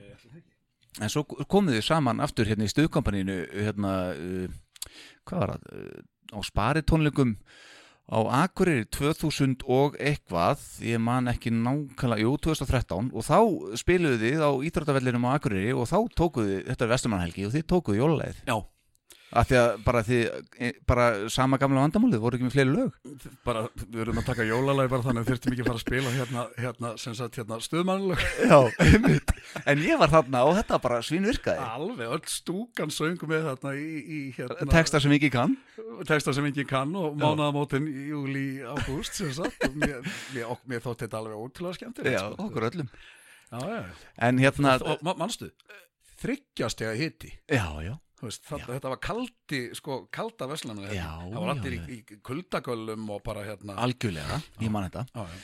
En hérna skal ég segja talandum um texta þá hérna Tungskins dansinn já, sem við heyrðum henni upp að þáttar Já. sem að er eitthvað mesta íslenska stuðlag sem ég veit um. Já. Svona, og, og þú gerir mig þann heiður að, koma og syngja þetta lag í brúkupsveislinu minni og ég kann þér mikla þakki fyrir það. Takk fyrir það bara sem leiðis En þessi texti, hvað um hvað er hann? Maður sem að vera hrifin af, af vinkonu ykkurar sem að er hrifin af honum, eða ekki, Eh, hvernig er það? Þetta er ykkur, vinkona þín heitlaði mig meira daginn þann. Já, já, þetta er er þetta ekki bara svona alíslensk einhvers konar kundags sveitaballa eða eitthvað saga? Að þú veist að þú verður einhver staðar sko svona hugfangin annar staðar en svo snýru tilbaka og þá er það er, er það sent, þetta er ekki Nína og Geir er ekki sá textið um það nákvæmlega sama já, og einhverju fleiri svona textar. Ég held þetta hafi nú svona bara þetta raðaðist bara svolítið svona upp. Þetta er engin persónlega reynslu saga sko Nei, veist. ég, hérna, En þetta lag, þetta geymir uh, bestu setningu í íslenskri popsögu. Nú það er ekkert annað. Og ekki bara hvernig setningin er, heldur hvernig hún er sungin. já, Bara stemmingin í læginu akkurat þegar það kemur Okkur langar ekki til að fara að sofa. Já. Þetta er náttúrulega bara, það er, það er þessi þetta er svona, þetta er húkarinn. já þetta er húkani sko og svo reyndar vildi einhver meina það var einhver að krifi þetta með mig líka þú veist og það er þessi líka þú veist þetta, uppbroti og munn en mundu að Já, að það er líka svona húki í því sko já, það akkurat. er í nóttu varstu búin að lofa Já. en, en okkur langar ekki til að fara að sofa það er raunverulega, þú veist, þá sem þú veist, trommarinn tekur og hérna hættir og salurinn syngur sko. já, það er, og allir með. og allir með já, já, já. Þannig er texti, textabrót sem allir kunna. Þarna er text, þarna, þarna, þennan, texta mann fólk sko. Já. já, já. Þetta, er einfaldara Já, til að hafa mikið með það. takk Herðu, áfram förum við, við komum í 2008 eh, þar sem að Karl Örvarsson dreymir kvikmyndahandrit. já, Hvað var þú því? Þú, þú vaknaðir morgunin með íslenska glæpmynd í kollinum. já Og ég hvað? vakna hlæjandi Já. og, og konan spyr mig sem sagt, hún hrefna hún spyr mig sem sagt hvað, er hlæja? Eða hvað hva, hva er svona fyndi kallið minn? Þú varst að vakna? Já, varst að vakna. Og ég, bara, það er bara myndin sem að horfa, við vorum að horfa ha, við vorum ekki að horfa neina mynd. Þú varst að vakna. Ég bara, bara svo bara, svona einhvern veginn kem ég til sjálfs mín svo ég bara, ég, þá bara, wow, herðu. Og ég, sko ekki alveg strax, sko, þú veist, en þetta þetta, þetta greri alveg um sig, sko ég myndi þetta, ég myndi hérna, alla, alla, alla sem sagt, hérna, bara hvað ég að segja, bara atbyrða rásina sko. Já. og þetta bara svo endaði bara með því, ég skrifaði þetta niður og fór með þetta á einhverja þrjá fjóra staði og því var sem náttúrulega kom mér bara þægilega óvart vegna þess að þú veist, þá, það er svona staðfesti að, að þú veist, þetta var ekki bara ég að fantasir eitthvað, þú veist að mér finnst þetta gott. Þetta, þetta virtist einhvern veginn menn virtust tengja og þetta fór eins og inn, inn í fjögur félög, eitthvað svona kvikmynda gerðar klúpa einhverja og hérna og allstaði fikk þetta svona fikk alls að góðar viðtökur. Áttu handrit? ég á ekki handrit, ég á synops. Ég á svona sem sagt grunn ramman um myndina um karakterina en það áttir að skrifa þetta sko. Ég veit um eitt sem getur samið tónlistana fyrir það. já, akkurat, ég líka. Þetta getur verið sér sami Það getur verið. já, það er nafnið minn. já, nákvæmlega, akkurat. Já, reyndar hann- heitir hann Örvar. já, hann heitir Örvar sko. Já, það veit það ekki margir. Örvar allir Örvarsson. Örvar allir, já. en hann fær ekki að gera það einn sko. Nei, hann sagði, ég, ég myndi alltaf fá að skipta mér að sko. Já, akkur, allan að textan N- Nei, allir minn, þú færið ekkert að gera þetta einn sko, það er bara þetta við, við semjum þetta saman sko. Já. en hann, ég, ég, ég veit bara svona svipa á bara svona allir náttúrulega sko þegar við allir erum í stuðkopaninu, við erum í bandalæginu þú veist, þegar hann kemur með með 12 ára gamall þú veist, inn í bara, þannig bakkinu aðeins bara til að tala um þetta samstarf okkar sko, þú veist, Já. þegar allir kemur með mér inn í sko, við fæ undan þá fyrir hann í bandalæginu um að spila í H100 mm og hann sást ekki bak við veist, hann, hann fekk að spila hljómborðið hans Níels Ragnarsson það er hljómborðsleikari frá Akureyri. Hann var svona stór. Og hann er með svona tveggja borð eins og þessi 80 stati svona, eins og, svona, hérna þrýhyrningu eða svona, þú veist, svona eins og, eins og hjallar eða eitthvað já. og hann með tvö keyboard á því. Og það, bara, ég, það þurfti bara að spyrja eftir hérna hver er sást. Er þetta á playbacki? hann sást, já, nákvæmlega, Já. þetta playbacki sko, hann sást aldrei, sko, svo lítill. En sagt en það var mjög fljótt þannig að við þú veist, uh, sko uh, við, það var svo gott að starfa með alla, þú veist, mér, var svo gott að hafa bróðum minn með mér. Já. og við, við vorum góðir saman, skilur þú veist, en svo er allir náttúrulega komin í bara sálina, sól, þegar stöðkompani hættir, sko, þú veist, þá var bara hann er bara hljómbásleikar, hann er náttúrulega svo óbáslega hæfur. Já. að hann bara flýgur inn í öll þessi bönd skilur veist hérna Er hann betri tónlistamæri en þú? í, hann er eh, sko ég myndi ekki kannski beint segja að væri sko nú má ekki hljóma hann alltaf kokki hérna sko. Sko hann er betri á að því leiti hann er aðari. Hann, hann, hann, hann svona þú veist og hann, hann, hann alltaf fer og þetta fetar svona braut. Sko ég veit ekki þú veist við snúum þessu við og höfum alveg nákvæmlega sömu karakter en hann hefði verið söngvari og, og hérna ég er hljómbásleikari þá, þá veit ég ekkert nákvæmlega hvað gerist skilur þú veist, því að það er allt, allt svolítið öðruvis að vera frontur.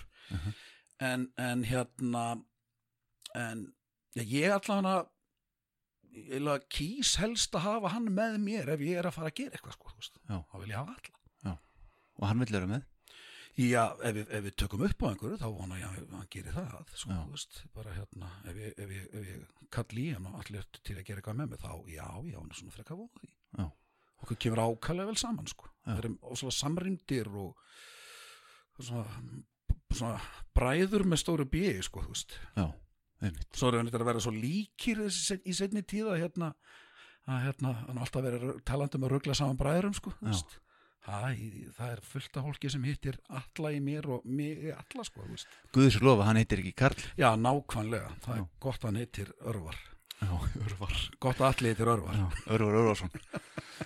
En hérna, við vorum að tala um kvikmyndahandriti hérna rétt á hann Já, alveg rétt. Og hérna, það er meira í, í hérna kvikmyndabransanum. Lukkulogi já, já, það já. Eh, hérna, lesin á teiknumyndir Já, já, þetta Það- gerði þú. Þú last inn á teiknimitt Já. árið 2008 já. Hva, hva, Hvað varst í Lukkuloga?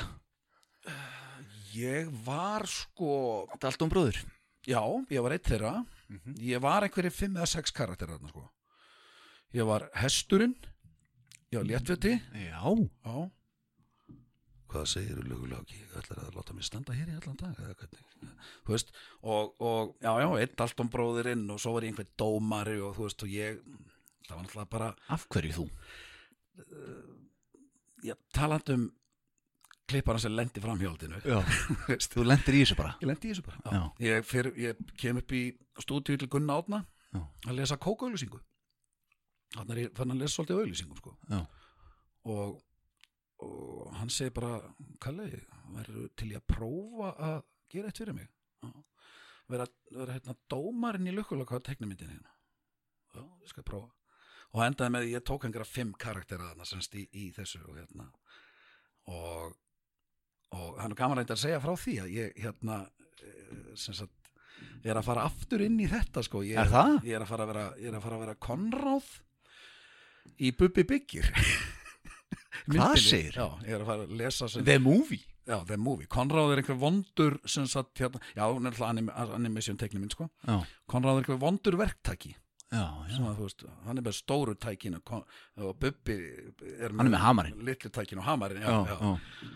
þannig að, já, ég, ég er orðin Konráð Magnað Þetta hlýtur nú líka svolítið vel fyrir þér bara Já, þetta, þetta líka mjög vel fyrir með mér allar þessar rattir og þetta Já, nákvæmlega, það kemur reynulega svolítið eftir heiminu vegna þess að ég, ég náttúrulega fæ, þú veist, ég þarf ekki að leika nákvæmlega sem ég heyri en þú veist, ég, ég þarf að, og, og það kemur líka tónlistin inn í þetta, ég þarf svona að finna hvers konar gaur þetta er og ég, þú veist, það kemur eftirherma og þú veist, og svo þarf ég að synga, að, að lip, lipsyngi þarf að passa, þú veist, og, og, og, og þeir sögðu náttúrulega bæði Gunni og, og þessir hérna og svo sem er að taka mig upp núna nátni sko hérna, fara að taka mig upp að hérna þetta væri, þeir, þú veist þetta liggur vel fyrir sum tónlistamönnum best ef það er tónlistamöður og leikari sko, þú veist.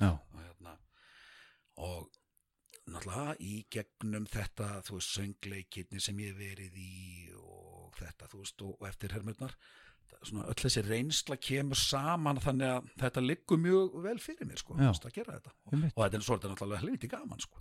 Er það ekki? Jú, En talandi um eftirhermur þá tilkynur það 2009 að þú út nú alltaf með ykkur í átniðaldirum já, Við erum löngu fannin að skilja það. Já, að þú hefur verið með hérna eftirhermu plötu já, það var það, ég græt það en að hafa ekki drullast til að klára það verk sko. Er það á seint?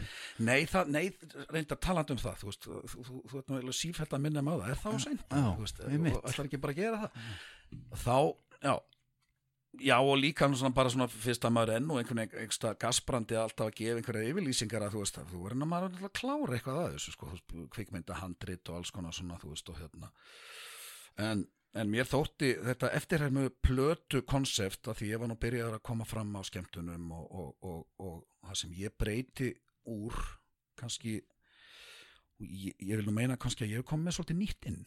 Mhm.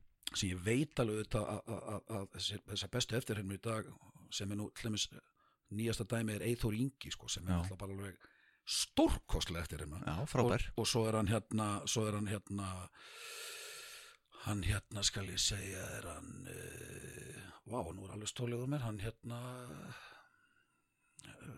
alltaf að herma eftir. Ah, nú, nú, nú þarf það að fara að klippa viðtalið Ari það er Ari, nei og hinn hérna sem, sem er með þáttinn hérna Sóli? Sóli Jesus, Sóli. Já, nákvæmlega, veist, maður sem er sko í, í Þetta var til þess að ég var blanko líka sko. Bara Já. að horfa þig hugsa. Já, nákvæmlega, já, já, já, það er bara, þetta, náttúrulega- þetta er greinilega að gerast eftir þess að við förum nær, nær nútíman þá mann ég minna. Mhm.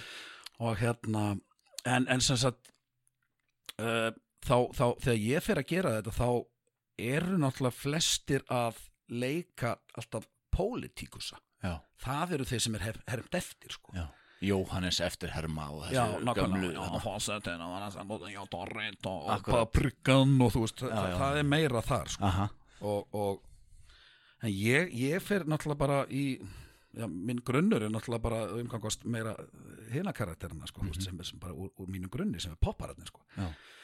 Og ég veit ekki hvort er tími náttúrulega verður búið langt það er náttúrulega sagan þegar ég lendi þarna í en eins og ég lendi í einhverju eftir hér með þættinum hjá Lóa Bergmann. Já. Að, að, Eftir partí eitthvað, þú varst í partí með Loga hann plataði þátti já, já, ég er ok. í partí hjá Lóa ég, svo, svo ég bara ringdi mig á 50. kvöldi og þú veist hérna bara, já, já Karl, þú átt að mæta hérna í smink á morgun kljóðan 5 fyrir þáttun hjá Lóa, ég bara, ha? Fyrir hvað séu, þáttun hjá Lóa Bergmann.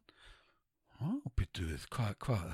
Hann myndi ég náttúrulega ekki eftir þessum hann salaða samningi okkar frá helgina áður. Ég Lói, skilur Já, bara, bara, hlustendur ættu að vera farnir átt að sjá hvernig minni mitt starfar, já þannig að ég bara já, byttu ok, og svo bara mæti ég þarna upp og ég var ekkit búin að undibúa minn eitt sérst, þú veist, ég hafði ekkit haft tíma og var ekkit orðin eitt sérstaklega pró í þessu þá þannig, sko. Nei. og mér er bara, þú, Karl, þú situr hérna í sófanum og svo hérna, Pálmi, þú ert hérna Pálmi Gesson, þú ert hérna megin við hann og Jóhannes Kristjánsson hérna megin við. Já, ok. ég er bara svona aðþrengdur á milli þeirra og, og logi byrjar á þeim skilur, þeir fara báðir á einhverjum ægilegum kostum og svo bara, hvað er þú með Kalli? Ég er bara sko það er hérna uh, ég, ég er svona meira með bara hérna popparana sko, strákana hérna, vini mína Nú, já, sko, það er þannig að Björn Jörundur er að leiðinni laugavegin og hérna, það er þóllagsmessa og svo segið með einhverja sög og hún er svolítið laung og svo er Björn Jörundur komin hérna í þetta hjá mér og ég bara leiðinni laugavegin og það er raglandi maður og ég er bara fyrir að hugsa mig sjálfuð mér og þú veist, þá snýja mig við og þá allt í hennu, heyrðu æfinlega elur sko drengurinn minn þá er Egil Ólafs komin þarna maður og svo er ég eitthvað svona fabúlara með þá báða bara sko, þú heyrðu, hefur ekki fá okkur kaffi svo bara hérna og fari yfir jólagjafalistan, elsku drengurinn minn æfinlega Jú, heyrðu, Kári, gerum það bara Nei, hérna, hérna Egil, gerum það bara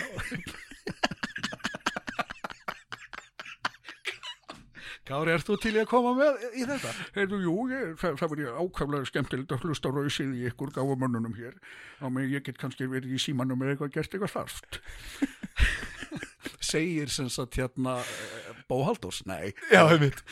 Heyrðu og hérna Nei, síðan, síðan segir eitthvað logi hérna, endanum að hann segir eitthvað þetta er, svona, þú veist, þeir eru báðir búin að hafna, þú veist, eigin vill ekki kaffi og þeir, hei, látt mér frekar að fara drambú í, góðan drambú í og þá kemur logi kalli hérna er eitthvað pönslæn í þessari sögu? Þú veist, hún er svo löng skilu, er þetta, bara þeir á einhverju svona þolláksmöð sem fyllir í og þú veist, er eitthvað Já. þá stressa sér svo mikið upp að bara, veist, þá, þá, og þá, þá kemur raunverulega þetta blessað atriði mitt það sem, sko, sem var síðan atriði náttúrulega, veist, þetta var ekkert atriði þá en ég held náttúrulega bara enn einu ég bara hugsaði bara, að já, Karl, ertu enn einu sinni að klúra málun og þetta er alltaf verulega vel fyrir þér, þá bara, þá stressaði sér svo mikið upp. Jú, jú, nei, jú, það er pönslæn, sko.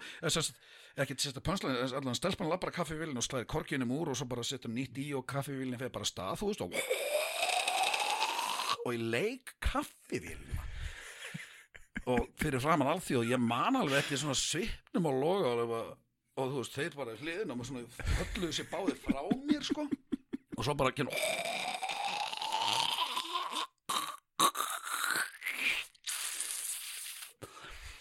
og ég bara þá kom bara logi bara auglýsingar. Kjúaði bara yfir á auglýsingar svo var ekki talað eða neitt meira við mig í þættir skilu, þú veist, ég satt bara þarna alveg svo og hérna, ég bara lappa hættum til nóttin og ég sé bara líf mitt fljúa hjá og þú veist bara hugsaði hvað varstu nú að gera Karlar var svon þú veist, þú, það ég bara hann köttaði í auglýsingar bara beint sko. en En svo slóðu þetta ekki. svo slóði þetta helviti í gegn sko, Já. bara, þegar, þegar, þegar kallinn hringdi hún hrauna var hann reppi og veist bara Ég fáði hérna með bara komplett heimilistakja síningu hérna fyrir okkur upp frá það. Já, getur þetta ekki þvóttaði líka? Lét mér tak, hann, sko, hann, hann var alveg, hann var, hann var búin að undibúa sig, hann var veislustjóri líka, ég kem hann upp eftir maður, og þau bara, Já, Karl Arvarsson gerir svo vel. og ég kem hann upp og ég var ekki veislustjóri, ég var bara svona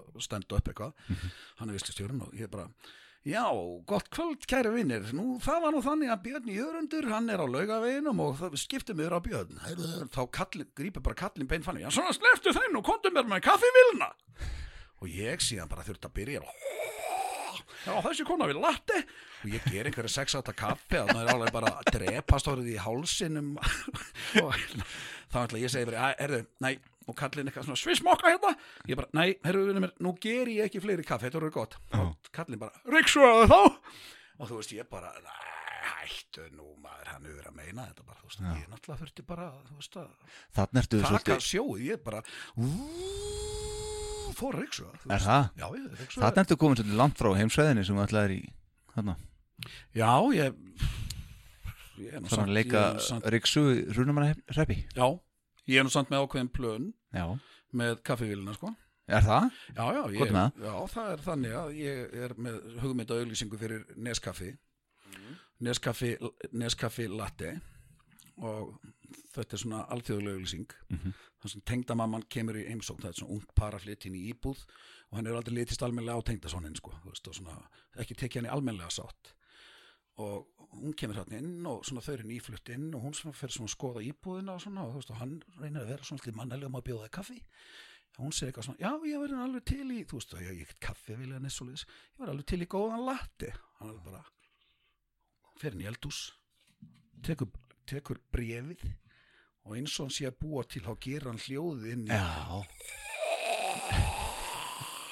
og hann, kemur fram með kaffi og þetta er besta kaffi sem kettlingin hefur fengið Já. Og hérna hún tekur tengdasoninu í sátt. Uh, ég ætla að byggja útvarslustundur að láta samt ekki þessa hugmynd fara lengra vegna þess að hérna, hérna, þetta er algjör leyndamál Það- Þetta fer ekkert lengra? Líkillina minni heimsfræð Það er bara svona þúsund manns að hlusta á þig. Ok, Herðu, ok, við ætlum að halda áfram aðeins Við erum nálgast nútíman og förum að slá botnin í þetta. Já, Já, þetta er búið að vera svolítið langt kalli já, ég ætla að vona að við förum ekki að tala um framtíðina. Nei, nei, við, stoppum þar. En hérna, ennin sýningin David uh, Bowie, tribut tónleikar í Tjarnabúi bíói og, og á græni hatturum Já, Þú og uh, Magni Áskis og Eithor Ingi, svo nefndir áðan. Akkurat Þar þið vorum þessa sýningu. Já. Ég, sem sagt, Þetta er nú eiginlega þannig að ég sem sagt uh, byrja með þetta bái bröld mm -hmm. Við erum ammælisbræður Já, Og- og Elvis og Elvis líka, já, akkurat. Þetta, þetta eins og einhvers sagði svona ekki- kannski ekki skrítið og hafið einhverja köllinu í tónlist og það var ekki bara annað en þetta tvenn þá væri það bara alveg ágæts ástæða. Mm uh, uh, og ég, ég held að þetta hafi nú verið svolítið þannig að þú veist öll þessi tribut það er búið að vera ægilega mikið tribut og en grunar ég bara svona að þess að bái hafi verið svona pínu ekki, fólk hafi ekki alveg eh, menn hafi ekki alveg þorað að snertan skilu hvað ég á við. Þetta, þetta er bara- svo þetta er eitthvað svo mikið stærð veist, og hérna en ég allavega Vil ekki klúra hún þó ég veit það ekki ég, ég, ég, ég, bara þá einhvern veginn bara ég að læt mig hafa og, og, og, og gat ekki látið að vera og hérna og, og þar með, þar með sko, fyrst, fyrst var ég nú bara einn að syngja þetta sko. Já. svo bæti, bæ- bæti ég hinnum við og, og fleirum. En svo náttúrulega mm, heldur þetta náttúrulega vefur þetta nú kannski náttúrulega þú veist illu heilli auðvitað. Uh, mikið utan á sig auðvitað þú veist það náttúrulega það átt að vera einhver, það voru einhver rágerir einhvers konar tónleikar og eitthvað svona þú veist. Þegar bái svo deyr. Já, og hérna það var akkurat þegar ég er að halda 49 ára ammæli mitt já, bara sem sagt þá erum við með, þá er ég með í, þú veist þetta hét þetta hét sko 49 ára ammæli mitt það hét æfing fyrir 50 já, þetta þú veist þér var, þér var sko þú varst á gestalistanum allir hjá mér fyrir 50 já. en svo bara var ekki stuð. Ég var ekki stuði, Nei. ég held það aldrei. Nei. Ég held þetta 49 pröfuna. Já. og svo bara tveimdugum setna þá bara er, er, er mestari allur sko. og hérna en þá um vorið sagt, þá er náttúrulega farið að hafa samband við mig út af þessu að því ég hafi verið með þetta tribut og þá förum við með þetta í hörpu sko. Já. og annað bískli bara ekki hægt. Nei, nei, og hérna og það er nú bara og það er bara svona á sí- síðari árum það sem ég er nú bara hvað stoltastur yfir sko, já, að hafa gert. Þetta tókst alveg gríðarlega vel. Og ég var stoltur af flytjanda hópnum sko, hann var ekki tekin kannski mm, hvað ég var að segja, hún var ekki alveg kift út úr fiskideginu mikla fattaru. Það var svona, það var svona, ég, ég svona vildi, vildi Leitar hans út fyrir? Leitaði þess út fyrir þann ramma sko. Já, já, og hérna þetta var bara alveg stórkostlegt. Þetta var bara, og, og bara þetta ilíðal mér hérþarættu sko, Já. að tala um þetta sko. Það hafði ekki með það. En býtu ekki stuði að halda 50 samanlið Hvað hva var svona einhver Var sjokk að verða 50 úr? kannski, kannski var það það, ég veit það ekki það, það, það allan að bara, þú veist, eins og ég var í svakaljú stuðu þarna 49 Já, þá bara var ég bara ekki þarna, að að nú þarf þetta einhvern svona undibúning já, já að hérna, þú veist, ég ætla alltaf 50 samæli Já. og það er 8. januar og, og einhvern veginn þá þarf þetta að byrja í desember Já, þetta einhvern veginn bara já, það voru bara jól og Já, eitthvað. þetta bara ekslaðist einhvern veginn Já, ekki, já. þú veist. Og, hérna, og, og, og að því að 49 það var ekkert sérstakt farið í einhvern ægilegan undibúning skilur Nei, nei, svo er þetta bara haldið en, en þú veist og einhvern veginn svona hópaðist sko reyndar mun fleiri inn en ég átti vona á því að, að þú veist ég sagði bara blessa, taktu með tvo eða taktu með þrjá, mér er alveg saman þar. Já, og svo bara einhvern veginn fylltist þessi salur sem ég tók sko. Já. En já, það getur vel að talan 50 hafi eitthvað verið svona, veist, en, en það var svona, svo svona svipað með að verða afi. Já, það breytist nú ekkert alveg en eitt stólega veist, er það nokkuð? þegar, þegar þessi tala kom sko Akkurat, eins og þú veist. Einmitt. Talandi um ammali uh, 2012 þá heldur Akureyri upp á 150 ára ammali sitt. Já, og Logi Einarsson núna formaður uh, samfélkingarinnar sagði, og meðlumur skriðjökla sagði í, í, blaðavitali að það veri menningalegt stórslis í uppseglingu það var litið fram hjá Karli Örvarsinni og stuðkompaníinu á tónleikum fyrir þessa ammálsáttíð Sæði logi þetta? Já. Spiluðu þið ekki? Nei, Nei. Það Tóima sem spilaði ekki heldur sko. Nei, Tóimi sem spilaði ekki heldur sko. ég, ég, nákvæmlega, þú veist og hérna, sko ég, já, já, ég man nú eftir að ég svona, þetta stakk mig pínu að, að, að sko hvort sem var þetta ná saman stöðukompaníinu öllu eða þú veist, mann hefur búið að syngja eitt lag eða whatever skilu að hérna e, þegar ég spurðist eitthvað, ég spurðist eitthvað aðeins fyrir um þetta. Já, ok. Ég held að það verið bara þannig að, að stúlkan sem var skipulegið þetta, Mm. hún var bara það ung að hún hafði bara ekki meiri raunlega grundvalda þekkingu á fortíðinni. Já, hún hefur bara haldið að Karl Örvars væri úr Móselsbæði eða eitthvað? Já, bara, bara væri, hérna væri í, hérna rútafyrði, Já, veit ekki að maður er rúta fyrir Veit ekki að væri rútafyrði, Já, já. Og, og, og hinn bróðurinn væri ykkur bara, þú veist, hérna uh, ég leiði að búið til kvikmynd Já, akkurat. þannig að hérna þannig að ég fór svo, fór svo sem ekki að erfa það við hana þú veist, að, Nei, nei. fólk veit ekki betur eða eins og kannski kemur til náttúrulega kemur núna fram í þessum þætti og ef man ekki betur, nei. þá förum við ekki endilega að nota það gegn þeim, sko. En er aldrei að vita nefnum þú spilir á 200 ámælinu Já, já, skulum, það væri, væri gaman maður Já, það er stuð Herðu, ok, uh, 2015 þá hérna gefið þú fyrstu plötuna í 20 ár Þegar trúbóðanir koma með Já, plötu já, vá, ég- vá, nú var ég, nú var ég allt í nú blanko maður, ég alveg bara leit upp í loft, já. Já, akkurat, já. Þú og Heiðar Ingi Svansson og, og, og fleiri, Maggi Magg, Guðmundur Jónsson og Sálinni. Já, og hérna þarna eru þið að rokka í staðin uh, fyrir að fara í golfið á frímurarfundi akkurat, bara svona gamli kallar að, að hafa gaman. Nákvæmlega, bara, bara fara inn í, í æfingarhúsnaðið og eins og í, viku og hérna, búið til óskulega sjúklinga nákvæmlega, Já, hvernig var það? alveg rosalega gaman. Já, Og það er bara svona, ég og Heiðar Ingi, Já. þessir sko æskuvinir sko, kynnumst sex ára sko, Mhm. að hérna vera farnir að svona, þú veist, já, allt er vera farnir að rokka saman í bílskur og semja lög og Báðir afar Uh, hann báðir afar núna já Já, já, ég meina það. já, já, já, Já.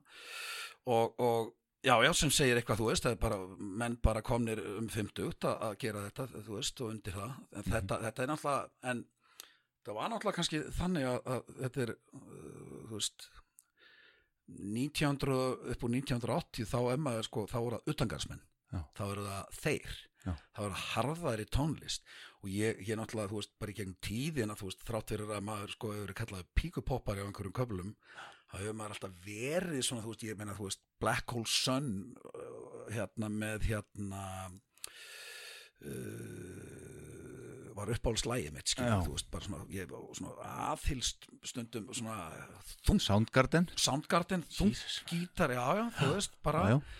þungt gítar, pop hefur, þú veist, bara, ég elska það á köflum, sko, þú veist, hérna, en, en alls ekkit alltaf í þetta, sko, Nei, nei. þannig að þá langaði mig bara að trúbóðin fengju, hérna, með bara svona, eða þú veist, þá var óslega gaman að gera það með trúbóðin, sko. Já. Er þeir hættið bara? Uh, hætta hljómsveitir ég, Nei, þeir gera reyndar ekki, sko. Nei, það veistu að ég, við, við höfum ekki hætt Við bara gerðum þetta, kláruðum þetta verkefni um, og lögðum þetta á hilluna það, þú veist. Eina hljósnir sem er hætt er Led Zeppelin. Þanga til annað kemur ljós. Það var allan ekki miljós Já, já, já, já, Herðu, ok, uh, við töluðum kvikmyndir en rétt áðan. já, Við töluðum meira svo um teiknimyndir hérna áðan. já, Og núna uh, ert þú búin að syngja inn á teiknimynd líka. Arabíska teiknimynd sem var frumsýnd í Katar já, það er rétt 2015. Já, Alli bróðinn sem er tónlistina við þessa mynd og, og hérna þú hefur haft sambund hérna eitthvað og sungið lag hérna já, í þessa teiknimynd. já Hefur hún komið hingað þessi mynd eða? Nei, ég held ekki. Nei, voru ertu búin að gera mikið kalli. Já, svona Þú er búin að gera rosalega mikið. Já, ég hafði bara ekki alveg átt að mig á því fyrir en bara ég fór inn í þáttrændar sko. Nei, ég, og, og, og, og, og margt ma eða sumt man ég ekki. Ég man nú flest. Það er svona, það er svona kom einhverja gloppur þarna. En, en allir ég, ég segi bara hérna, ég hafði náttúrulega svona smá ágjur að því þegar þessi þáttu byrjaði þú veist bara, já, við náum einhvern veginn, verður þetta ekki alveg agalega teikt að tala um í klukkutíma sko, þú veist, og hvað er núna hvað er klukkan eða orðin, sko, þú veist? Ég held ég var eftir að vera komin heim, sko. Já, já. Útist tíminni búin útivista tímin á mánudegi búin, sko, En, sést en, en við erum líka Við erum líka alveg bara eh, að verða búnir. Já, nei þetta teiknimyndaverkefni ef ég má aðeins segja frá því Já, þá, endilega. þá, þá, þá var allir sem sagt hérna sko ég, ég man ekki alveg hvernig hérna sko fyrirspurnin var eitthvað neginn þannig hjá hann þegar hann byrði með hérna, Kalli, hvað þú getur sungið fyrir mig inn á, á ég gera mér vantar svona mér vantar ekki svona, mér vantar ekki svona einhverja svona fallega einhverja svona þýða einhverja, s- s- mér vantar svona sendna svolítið svona lifaða djúpa rödd sem er svona, og sendin þá er þetta, þú veist, það er svona smá hösk alltaf í mig sko, Já, og þú veist hú, það kemur mikið breð og þetta, hann, hann viss alveg hvað sound greinilega, já, hann var að leita að. Já. og það bjó í, í barkanum á mér sko. Og og við tókum marg, marga kalla, eh, svona, nokkra kalla upp sko, þú veist, þess að við syngi þessar þéttur allir og já, ég bara, mann eftir bara þessari bullandi gæsahúð sem maður fekk þegar þetta var komið saman við symfóníuhljónsveit sko. Og þessi djúpa rödd og hérna þetta, þetta þarna kemur þetta sem eh, Atli hefur sem, sem er svo skýrt, hann hefur svo hann hefur svo góða heyrn fyrir þú veist, þannig er hann að hugsa hvað element get ég fengið í þetta? Já. Já ætli, get, ætli þetta sé ekki í barkanum á bróðum mínum. Já, hann sér ráöfnin bara fyrir sér. Já, það er eitthvað svoleiðis skilu, þú veist, hann bara, þú veist, hvað, hvað rödd er þetta? Þetta er, þetta er bara kalli. Já. það er ekki að leita eitthvað lengra með það. Nei. það er svona smá viski og þú veist, svona veist, það er ímislegt að það skilja já. Magnað. Já, Herðu Kalli, stoltur yfir þessu. Við erum að fara að loka þessu.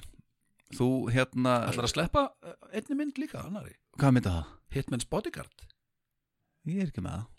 Já, ok, Hérna, hérna ég er orðin, or- orðin og þreytur að, að skoða það á netinu. Já, Se- Hvað var það? ég eh, syng og öskræn á hana líka. Hvaða myndir er það? Hitman's Bodyguard Já, með Samuel Jackson og Ryan Reynolds hérna, Hvað segirðu? Eh, þetta var náttúrulega alveg rétt. blockbuster í hitti fyrir Já, þar sem sagt þegar leikstjórin sem ég bara alveg stólið um hvað heitir núna kemur til, kemur til Íslands og allir segir "Eh, getur þú hitt okkur í stúdíói og fáði til að hérna, já svona garga eitthvað fyrir okkur þú veist svona, hérna, þá, þetta var einu alltaf búin að vera í trúbóðun skilja já, já, já, já. og hérna svolítið gargari í kalli og, og, og svo er það þannig að allir sem sagt hérna við erum eitthvað að prófa eitthvað svona garg og hérna ég uh, hérna næ nú ekki alveg öllum tónunum sem þið vildu svona. Þá segir allir síðan eitthvað, tökum pásu.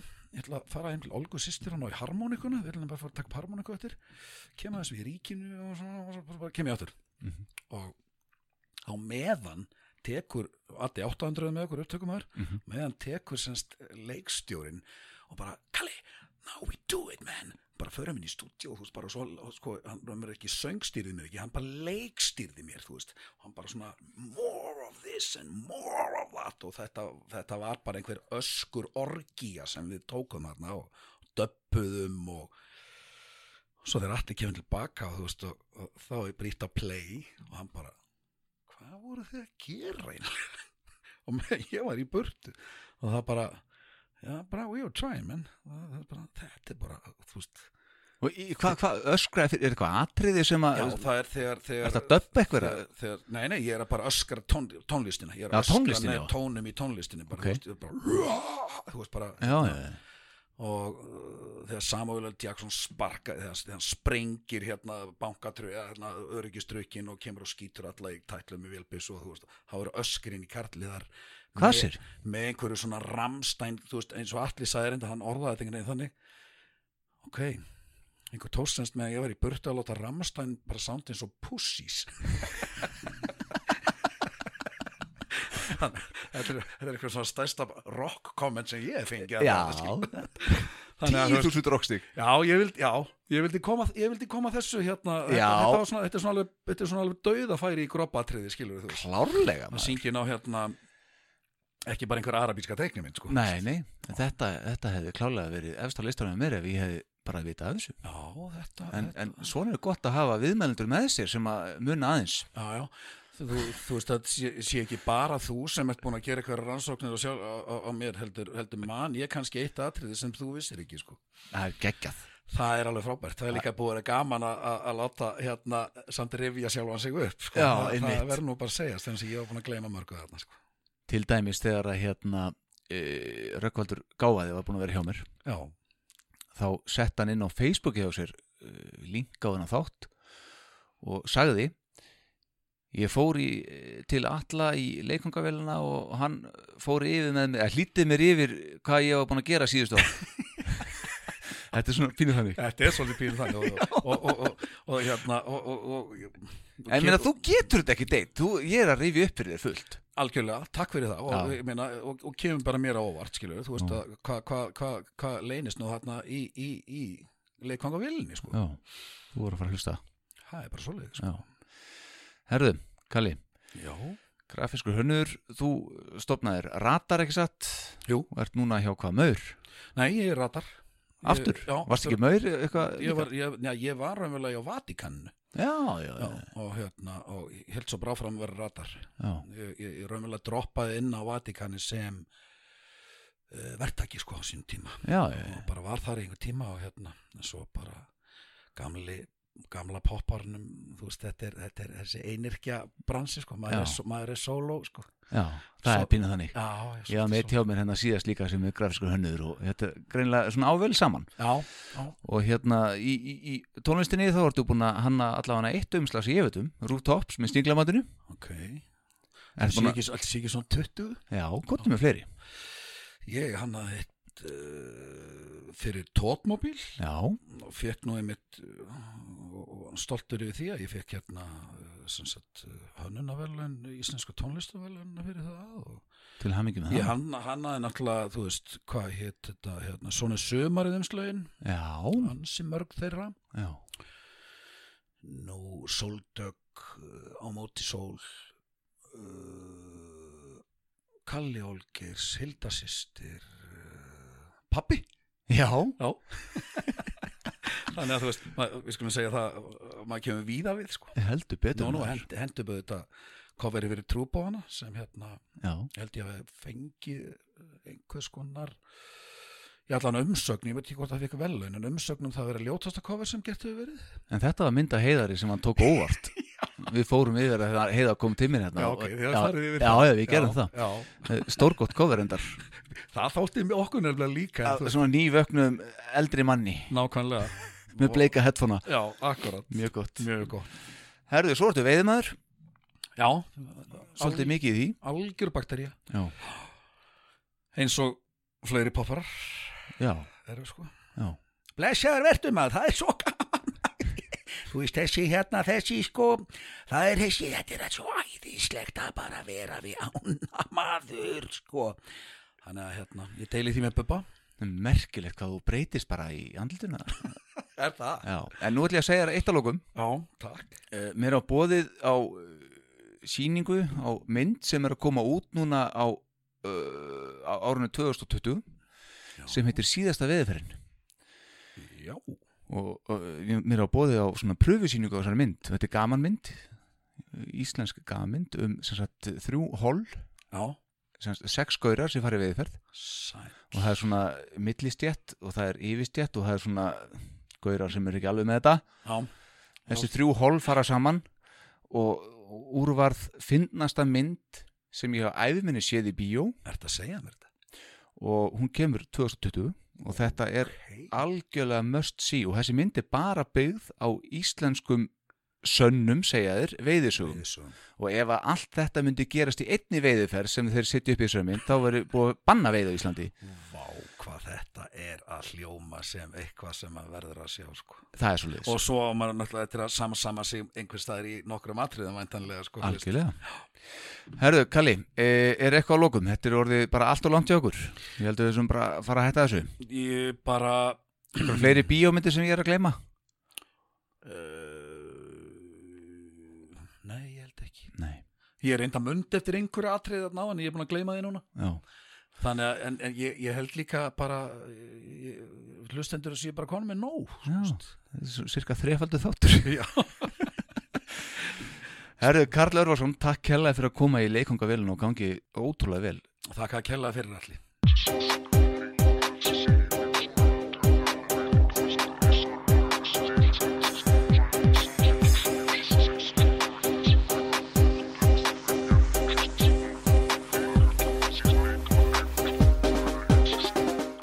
Popfréttir í dagblæðinu Degi um Vestlunumarhelgina föstudaginn 1. ágúst 1986. Blaðamaður er Sigurður Ingólfsson. Stuðkompaníið og friðbjörn.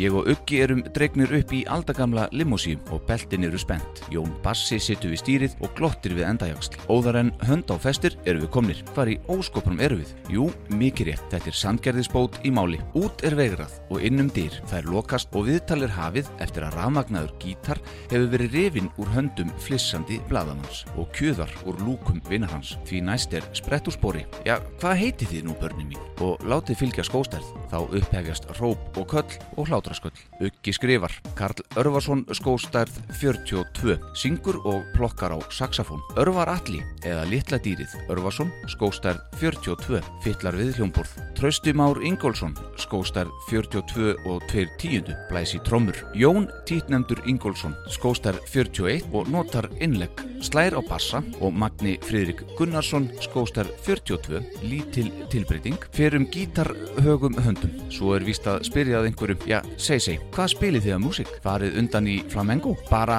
allra handa, bæði frumsamda og ófrumsamda, en þó meira ófrumsamda. Kalli og Alli semja allt sem er frumsamið. Til dæmis gerðu þér lægið Hér er ég, eitt sinn í baði með endurnar og gæsirnar sínar. Kalli samdi mest af læginu, en þegar Alli tók tappan úr baðkarinu, gerði hann millikablan þegar hann beigð eftir að vatnið rinni úr. Annars hafa kúabjöllur ætið verið Kalla mikil inspiration. Til dæmis inspiraðist hann svo af einni kúabjöllunans trösta að hún lag saman og hefur ekki náð sér síðan. Hljóðið úr henni er meira að segja dálitið slittislegt. Trösti vill þó ekki gráta kúabjöllu bóndakonu, heldur sapna peningum og kaupa nýja. Næsta spurning, hvar spilið þið músík? Nú vilja allir olmir svara. Við höfum sko spilað í göngugötunni og böllum. Þessi böll eru orðulögð sólskinsböll enda friðbjörn okkar maður á viðstofinni. Svo áttu við einni þátti að víja glerárkirkju. Enda við með rosalegasta og hátilegasta hljómburð sem heyrst hefur norðan Kuala Lumpur. Svo ætlum við líka að spila á KEA í ágúst. Blaðamanni vöknar um augu er minnstir á kaupfélagi hans með svo augljósli hlýju. Þá vesnar í því. Tali leiðist út á brautir saurlifnaðar er til segja allir með stjörnur í augunum nema Kalli sem hefur látið sér næja að setja upp stjörnu glerugu að stelpu skjátur hafi undantekningalöst sótt í félagskap þeirra hverskonar. Það segja þeir stafa af því að þeir noti svo getnaðlegan svitalekta eði sem hafi þó upphaflega verið notaður til að kæfa megna lykt sem yðurlega gaus upp eftir að litla dýrið listi vind. Þessar vindleysingar drengsins stafa því hvað hann